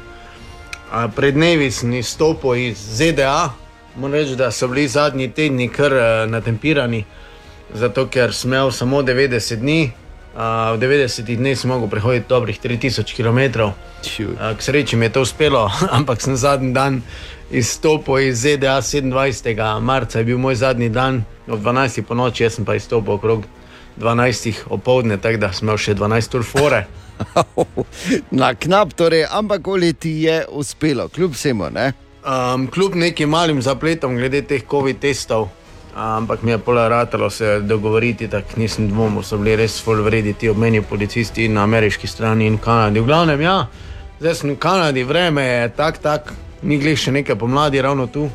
Včeraj me je fajn zasnežilo, tako da zdaj imamo en dan pauze, jutri pa naprej. Glavnem, ja, pred mano je še nekje 5100 km do, do konca, torej 4000 km Kanade, pa še dobrih 1000 km ZDA oziroma Aljaske. Zaenkrat greš vse po planu. Uh, Zdaj le samo čakam, da se malo topli, da nam bo s kar letos malo lažje, da bomo lahko več kampirali zunaj, pa tudi lažje hoditi v, v toplem vremenu. Itak. Bi rekel, ampak Uli, cilj bo počasi tukaj, ko tako pogledamo. Um, drugače pa ja, vse pravim, vse po planu, zdrava smo, uh, da dosežemo vrh Aljaske nekje konec avgusta. Lepo. In uh, kakšna je bila tvoja pot, je morda kakšna posebnost, odkar smo se na zadnji slišali, Oli? Od mojega zadnjega javljanja se je zgodilo marsikaj, res ogromno lepih zgodb. Američani so mi pomagali vsak dan s hrano, z vsem, tudi s prenočiščem, veliko krat. Moram pa reči, da smo imeli tudi kar velik težav z vremenom, ogromno vetra, nekajkrat tudi celo snežne nevihte, pa tudi temperature so se spustile po noči tudi do 20-22 stopinj. Kot že rečeno, tr, eh, upam, da se čim prej dvignejo temperature. Ja, in uh, da boste seveda s Karlitos srečno končala to dogodivščino. Ne pozabi, Oliju lahko pomagaš tudi tako, da ga obiščeš na njegovi Facebook strani in tam so seveda vse informacije, pa zanimivosti iz uh, poti njega in njegove psičke Karlitos, od uh, samega juga pa do samega severa, obeh, oziroma bolje rečeno, no, vseh treh Amerik. Tako da, Oli Dovoker, srečno v zaključni fazi eh, te dogodivščine. Seveda bomo Olija spremljali vse do konca in eh, naslednjič, ko bo verjetno že nekako proti severu Kanade. Narečja so zakon. Ha, kva, koga, kaj? Ma ne razumem. Ja, tako narečja so zakon in kaj smo na zadnje iskali, naš uh, jezikoslovni Atila Hun. Marko Fraz, dobro jutro. Dobro jutro. Bravo. Na zadnje smo iskali narečne verzije te povedi. Marija ima najlepše vrtnice na vasi. Dober dan, sem Franska iz Kočevja. V kostelskem narečju poved sledi takole. Micika ima najlepšega otrože na seli. Ime je Goras, prihajam iz Svetega vrha, pri nam pa bi na rečju rekli, para ima najlepšega otrožja, to se bolj. Kristina Plenšek iz Muratincev, Mica ima najjakša šipkovska na vasi. Sem Barbara, prihajam iz Brezbec pri Polenčaku. Mitska ima najlepše šitke na vasi. Zdravo, sem Nina, prihajam iz Reč, to je spod Pohorja. Uh, Mitska ima najlepše getrža na vesi. In še nekaj povedi z Facebooka. Micka mo nejok še gartrže vesi. Mariška ima najlepše ščipke na vesi. Mimica mo najlepše ščipke vesi. Micika ima najlepše šipke po vrhe. Micka mo pa dr čudno lepe gotrže. Marija mo najlepše vartnice na vesi. Marička ima te najlepše gartrže na vas. V tem tednu pa iščemo narečne verzije te povedi. Ulopi nekaj ropota. Kaj pravite vi trije? Sojka, spicar in spodnjek. Ne, neki hudič ruži. Huti, huti nekaj ruži. Ja, v huti neke ruži ali pa v drvarnici, imam pa nekaj not. Nekaj mi leče bolj- po huti. Ja, nekaj larmle pohuti. Larmle. Ja. O, Ki ste ti gor rasto? Vildonu. Okay, zanimivo, zanimivo. Nareče so zakon, seveda na naših družbenih omrežjih in skoraj vsak dan v Frasi Medvard šovu po drugi uri. Ampak, Marko, kaj si nam pravzaprav rekel? Sojka je šoja, spicar je suličar, spodnjek pa je spodnji del mlinskega kolesa.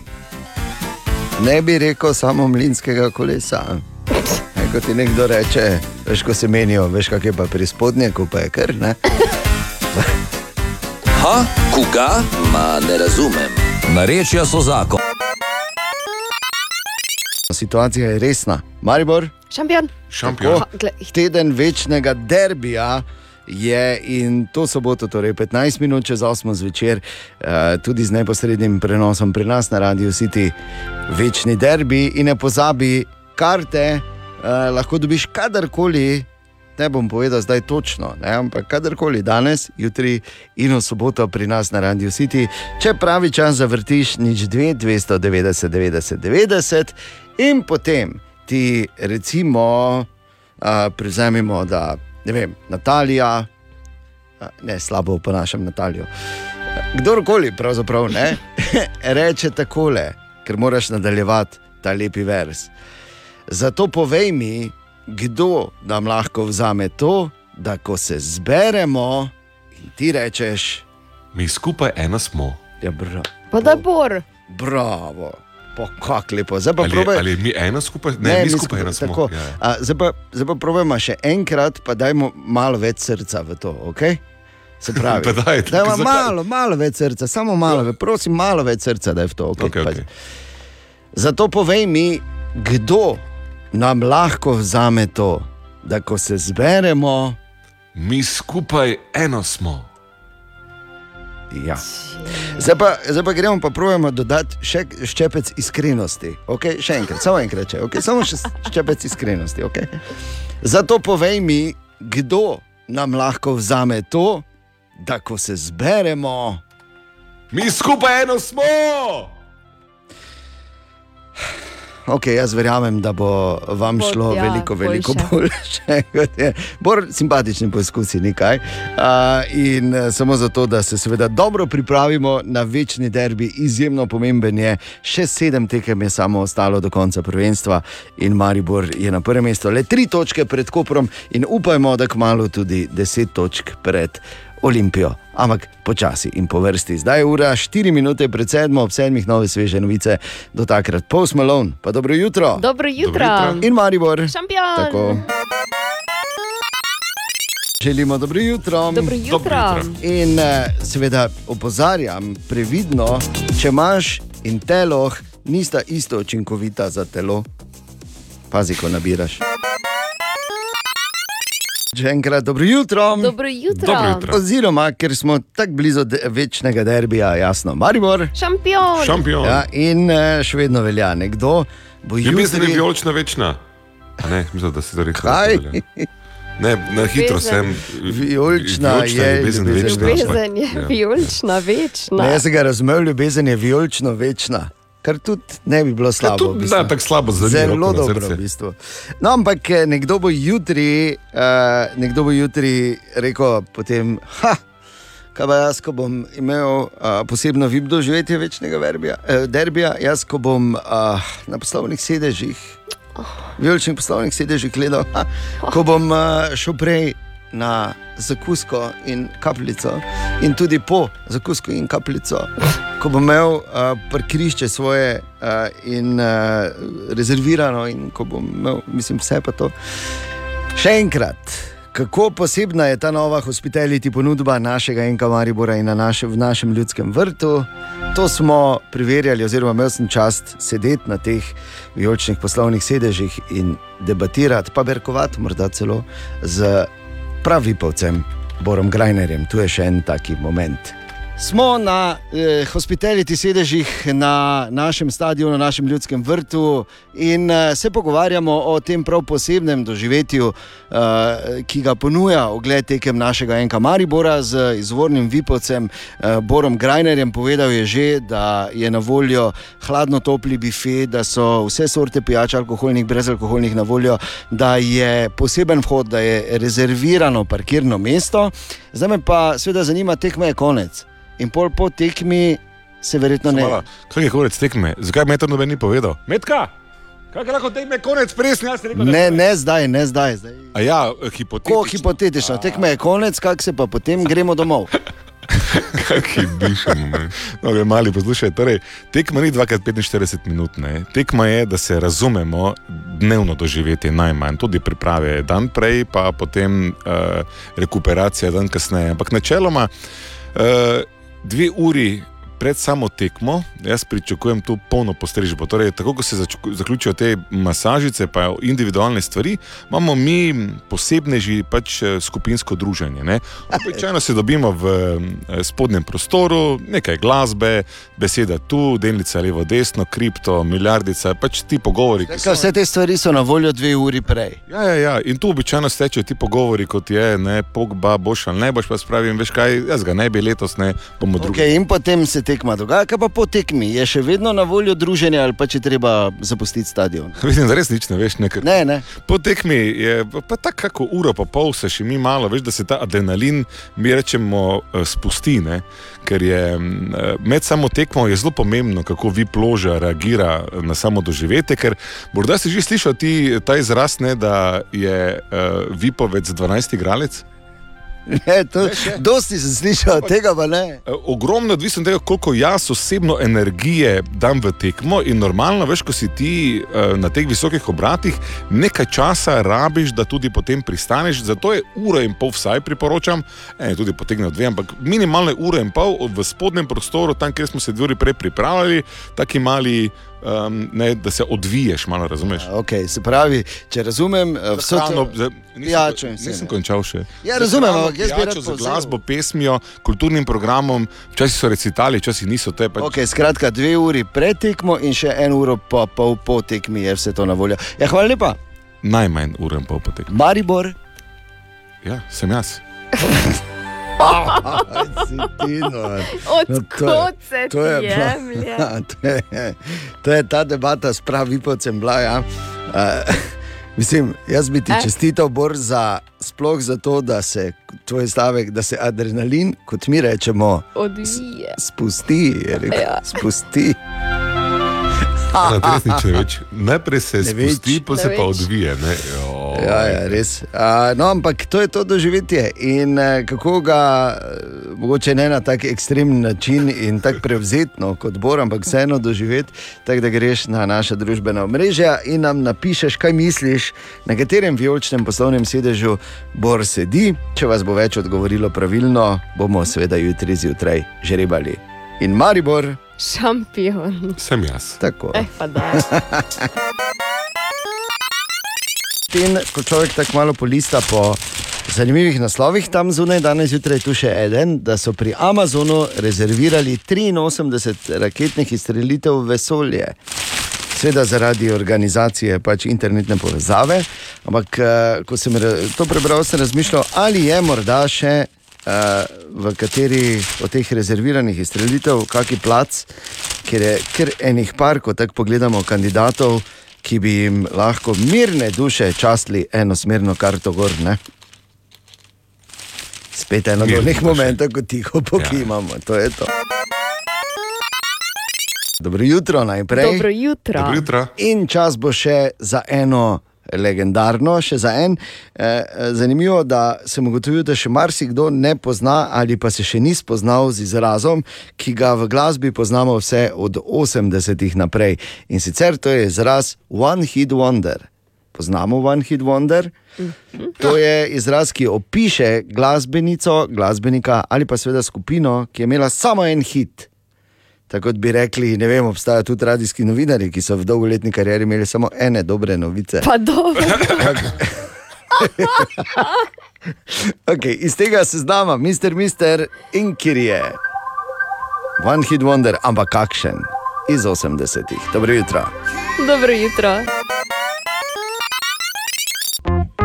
O, Tine! Je prišel mimo ponovno Tine. Zdravo. jutro. Dovoli O, Tine. Tine, dobro jutro, Tine. Dovoli Tine, da vprašam. Včeraj se je torej začel tudi ta javni obračun, oziroma javno opozarjanje na to, da bi pač bil čas, da Bor prinese enkrat kavo, ne pa da samo pač pride za šalico in si nalije, ne, čist preprosto. Včeraj je na mestu, da bi kao prenesel, ga niti blunira. Rajši. Daj. Bor, kako odgovarjaš? Je najhuje. Poslušaj, ti ne, ne boš verjel, mislim, vem, Ne, da ne mi ne boš verjel, pa sem, pa sem Natalijo, ki, je- ki je bila priča temu dogodku, policija, Natalija, lahko prej sem pa pojasniš, prosim. Ja, to je res ena neverjetna zgodba. Bor je v bistvu šel kupiti kavo za Mhm. radio, Ja. ampak ko jo je prinesel domov, je sosedov pes, ki je, ki je star že ne vem, če 30 Lumpi, let, lumpi. je star, ampak tako spreten, on je s tačkami odprl, ne povej. Odprl je kavo Ja. in jo, in jo Pločevinko. Ilija. Ja, pločevinko in jo raztresel po balkonu, ampak je tako hudo pihalo, Ja. Ker zgodno je- pobrati jaz to. da je razpihalo tisto kavo, in potem so prišle, um, prišli golobi in so ja. to kavo pojedli, in, Ja. in zdaj je tu norišnica, ker golobom se je zmešalo. Noro je, ja, res. Te pa bo se tako zamenjalo, bor, te pa pusti kavo, pa okay. prenesi to, kaj sta kadila. Ja, dobro? ja. Ali pa nehaj ta pit, nekaj, pa je, nekaj ne, od ker tega. Ne na zadnje moraš vedeti, da iz socialnih služb, ker vejo, da je Julija dve leti pa pol stara, Ja. vejo, da kakšna je situacija doma in da ne bomo slučajno, Pa kako vejo, no, da ni, no, 30 let stari pes ne odpira Eh, ili pločevin. kave, ne. Pa golobi ne zobajo. Julija, Julija sem kak je, kak je kužek, ko ima tu od soseda, je on lumpi? Kaj je kužek, ko ima? Da ne, Vidiš, zdaj ja, Julija molči, molči, Julija, ker se lahko vse to uporabi na sodišču. Kaj si hotel reči ti? Da sem včeraj bil v trgovini, pa sem kupil kavo, tako da se ne trudi. Daj mir. Pa če pazi se pesov, ne? Se ti ne bojo, te ne bojo dobili, pa ti odprli. Ti pa golobov. Daj ti ne, kaj imaš. Kaj imaš danes, ja? Uh, ve kdo, kdo je Jeremy Hammond? To je ta iz eh, Top Gira, če se ne motim, ne, ne tisti je Clarkson. Je pa en Hammond tudi tam, ni? Ja, samo ni to. Ti. A ni ta? To je Okej. en najbolj znanih hekerjev na svetu. A ja, okay. Ki je heknil v ne vem koliko eh, odvetniških pisarn, v državno tožilstvo, v eh, policijo, ne vem kam vse. Skratka, eh, desetletno zaporno kazen prestaja, ker so ga dobili. Veš, kako so ga dobili? ne. Ker so mu nazaj heknili v računalnik in njegov password je bil ime mačke, pa 1, 2, 3.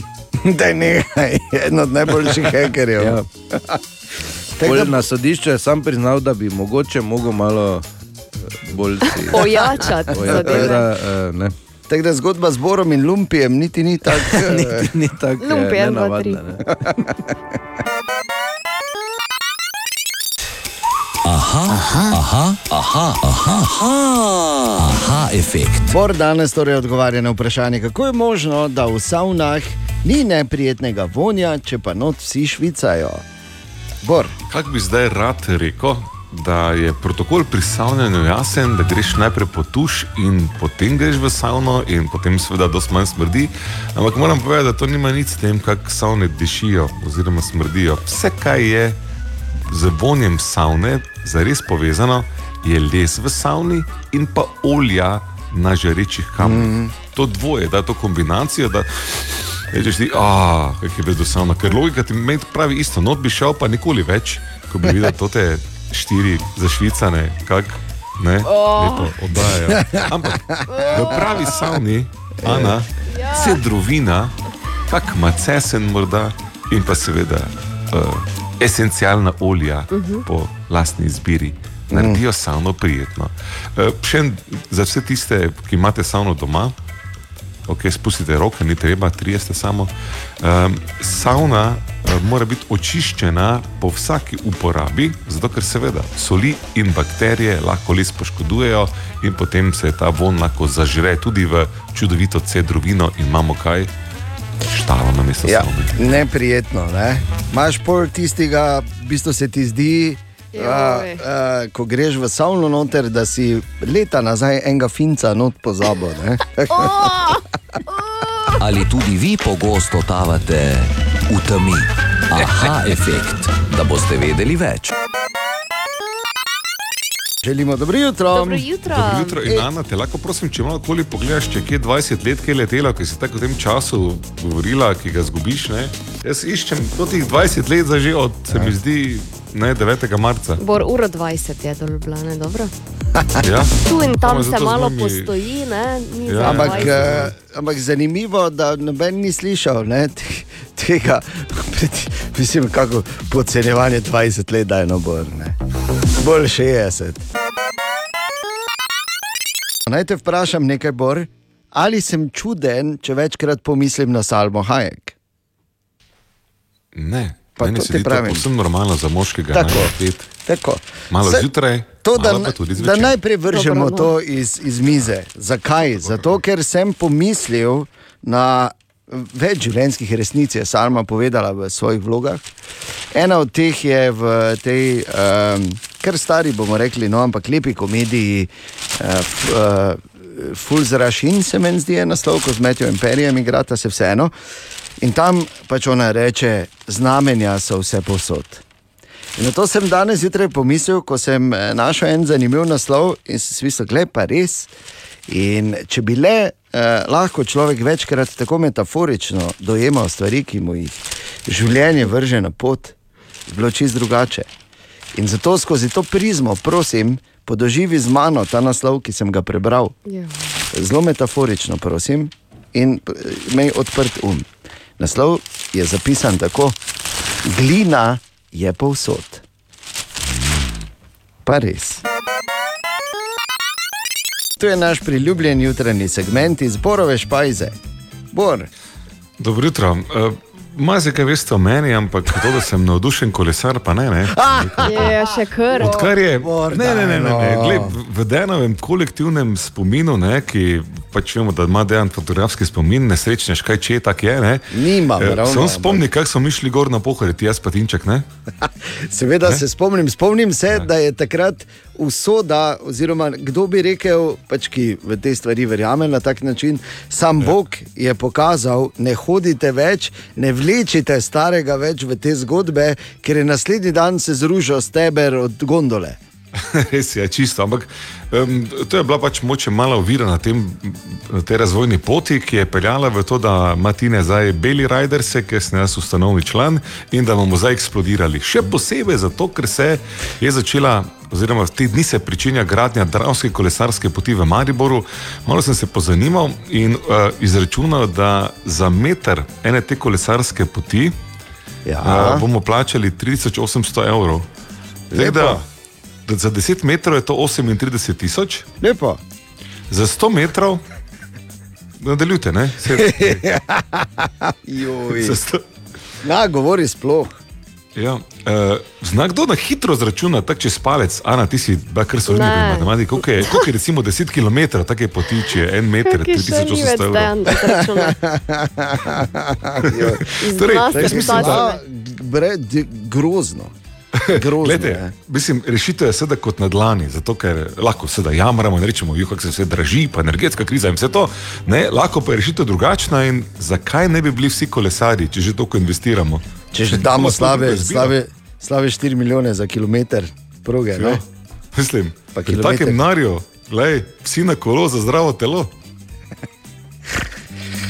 Zagotovo je zunaj danes vsaj en, ki je rekel, jaz bi za dva Jurija na meter naredil.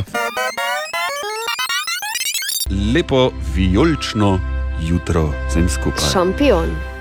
Maribor. na kaj se tebi zdaj šampion to rima? Ja, glej, na podobno. mene, na mene zato ker sem tako hitro prišel. Ne? Za vsakič, ko prijem not na radio, šampion. Ja. Servus. Okay. Dame in gospodje, Tomaš Michael Knight, šampion. Šampion. Ok, večni derbi je na sporedu jutri ob 20:15, mi pa smo uh, vse teden ponujali uh, posebno doživetje derbija, ne, ne samo tako, da mislim, vsak derbi je nekaj posebnega, imaš kurjo kožo že vem, ob treh popoldan, ko se malo spomniš. Ko, ko prvič slišiš helikopter, veš, Da je to Aha. to. Ne? zdaj pa gremo. Zdaj pa bo. Tako da, uh, Bor, jaz bi tebe kot uh, edinega pravega vipovca uh, daleč naokoli prosil, kaj vse ta sedež ponuja, vip sedež. Veš, ko bi rekel, samo VIP sedež, bi tukaj zameglil dejansko podobo te izjemne vipovske izkušnje. Tako. Uh, žal, moraš malo slediti mi tukaj, oziroma moraš iti eh, izven svoje običajne cone obdobja, ker Mhm. VIP obisk tekme ni zdaj grem tja, na sedež pa gledam tekmo. Ne, ne, ne, ne, ne, ne. najprej. Se ti pripelješ na za tebe rezerviran prostor. Tako. Na tekmo priješ prej, ker je doli hospitality mm. event. Ne?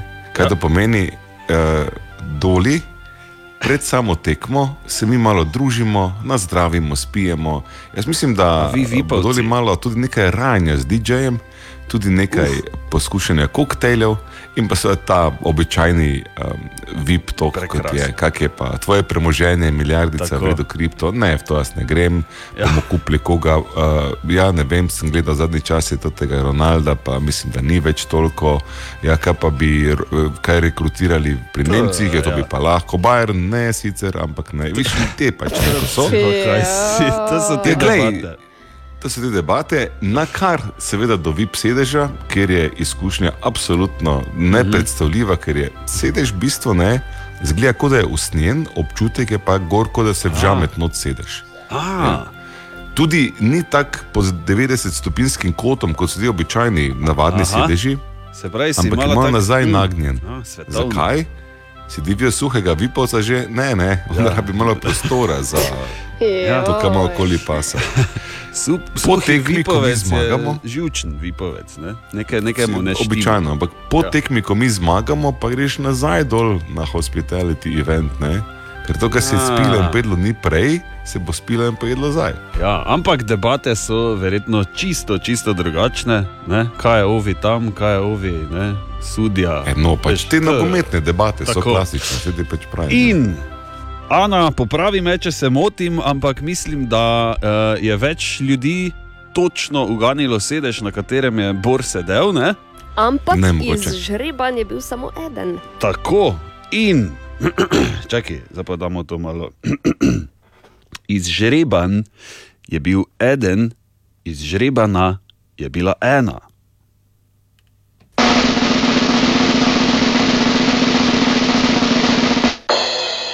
In iz žrebana je bila Branka Luki.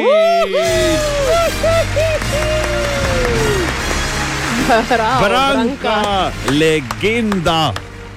Branka, lepo se zrihtaj, uh, vse podatke boš dobila, Ana, je tako. Seveda. Ne? Kdaj, kam, kje je sploh tisti parking, ne? da ni zdaj ne vem, v kamnici, ker pol ne vela. Ne? Ja, po mojem ni, ne. Verjetno je kaj bliže. Branka Lukič, torej čestitke, uh, upamo, da ti bo ta VIP izkušnja oziroma hospitality izkušnja, če smo bolj natančni, všeč. Pa upamo, da malo poročaš ne, nam navadnim, ko ne moramo iti, da vidimo, kaj Jaz je. sem sam tako tem rekel, Branka, poišči me. Dobra, mali in stari. Podcast jutranje ekipe.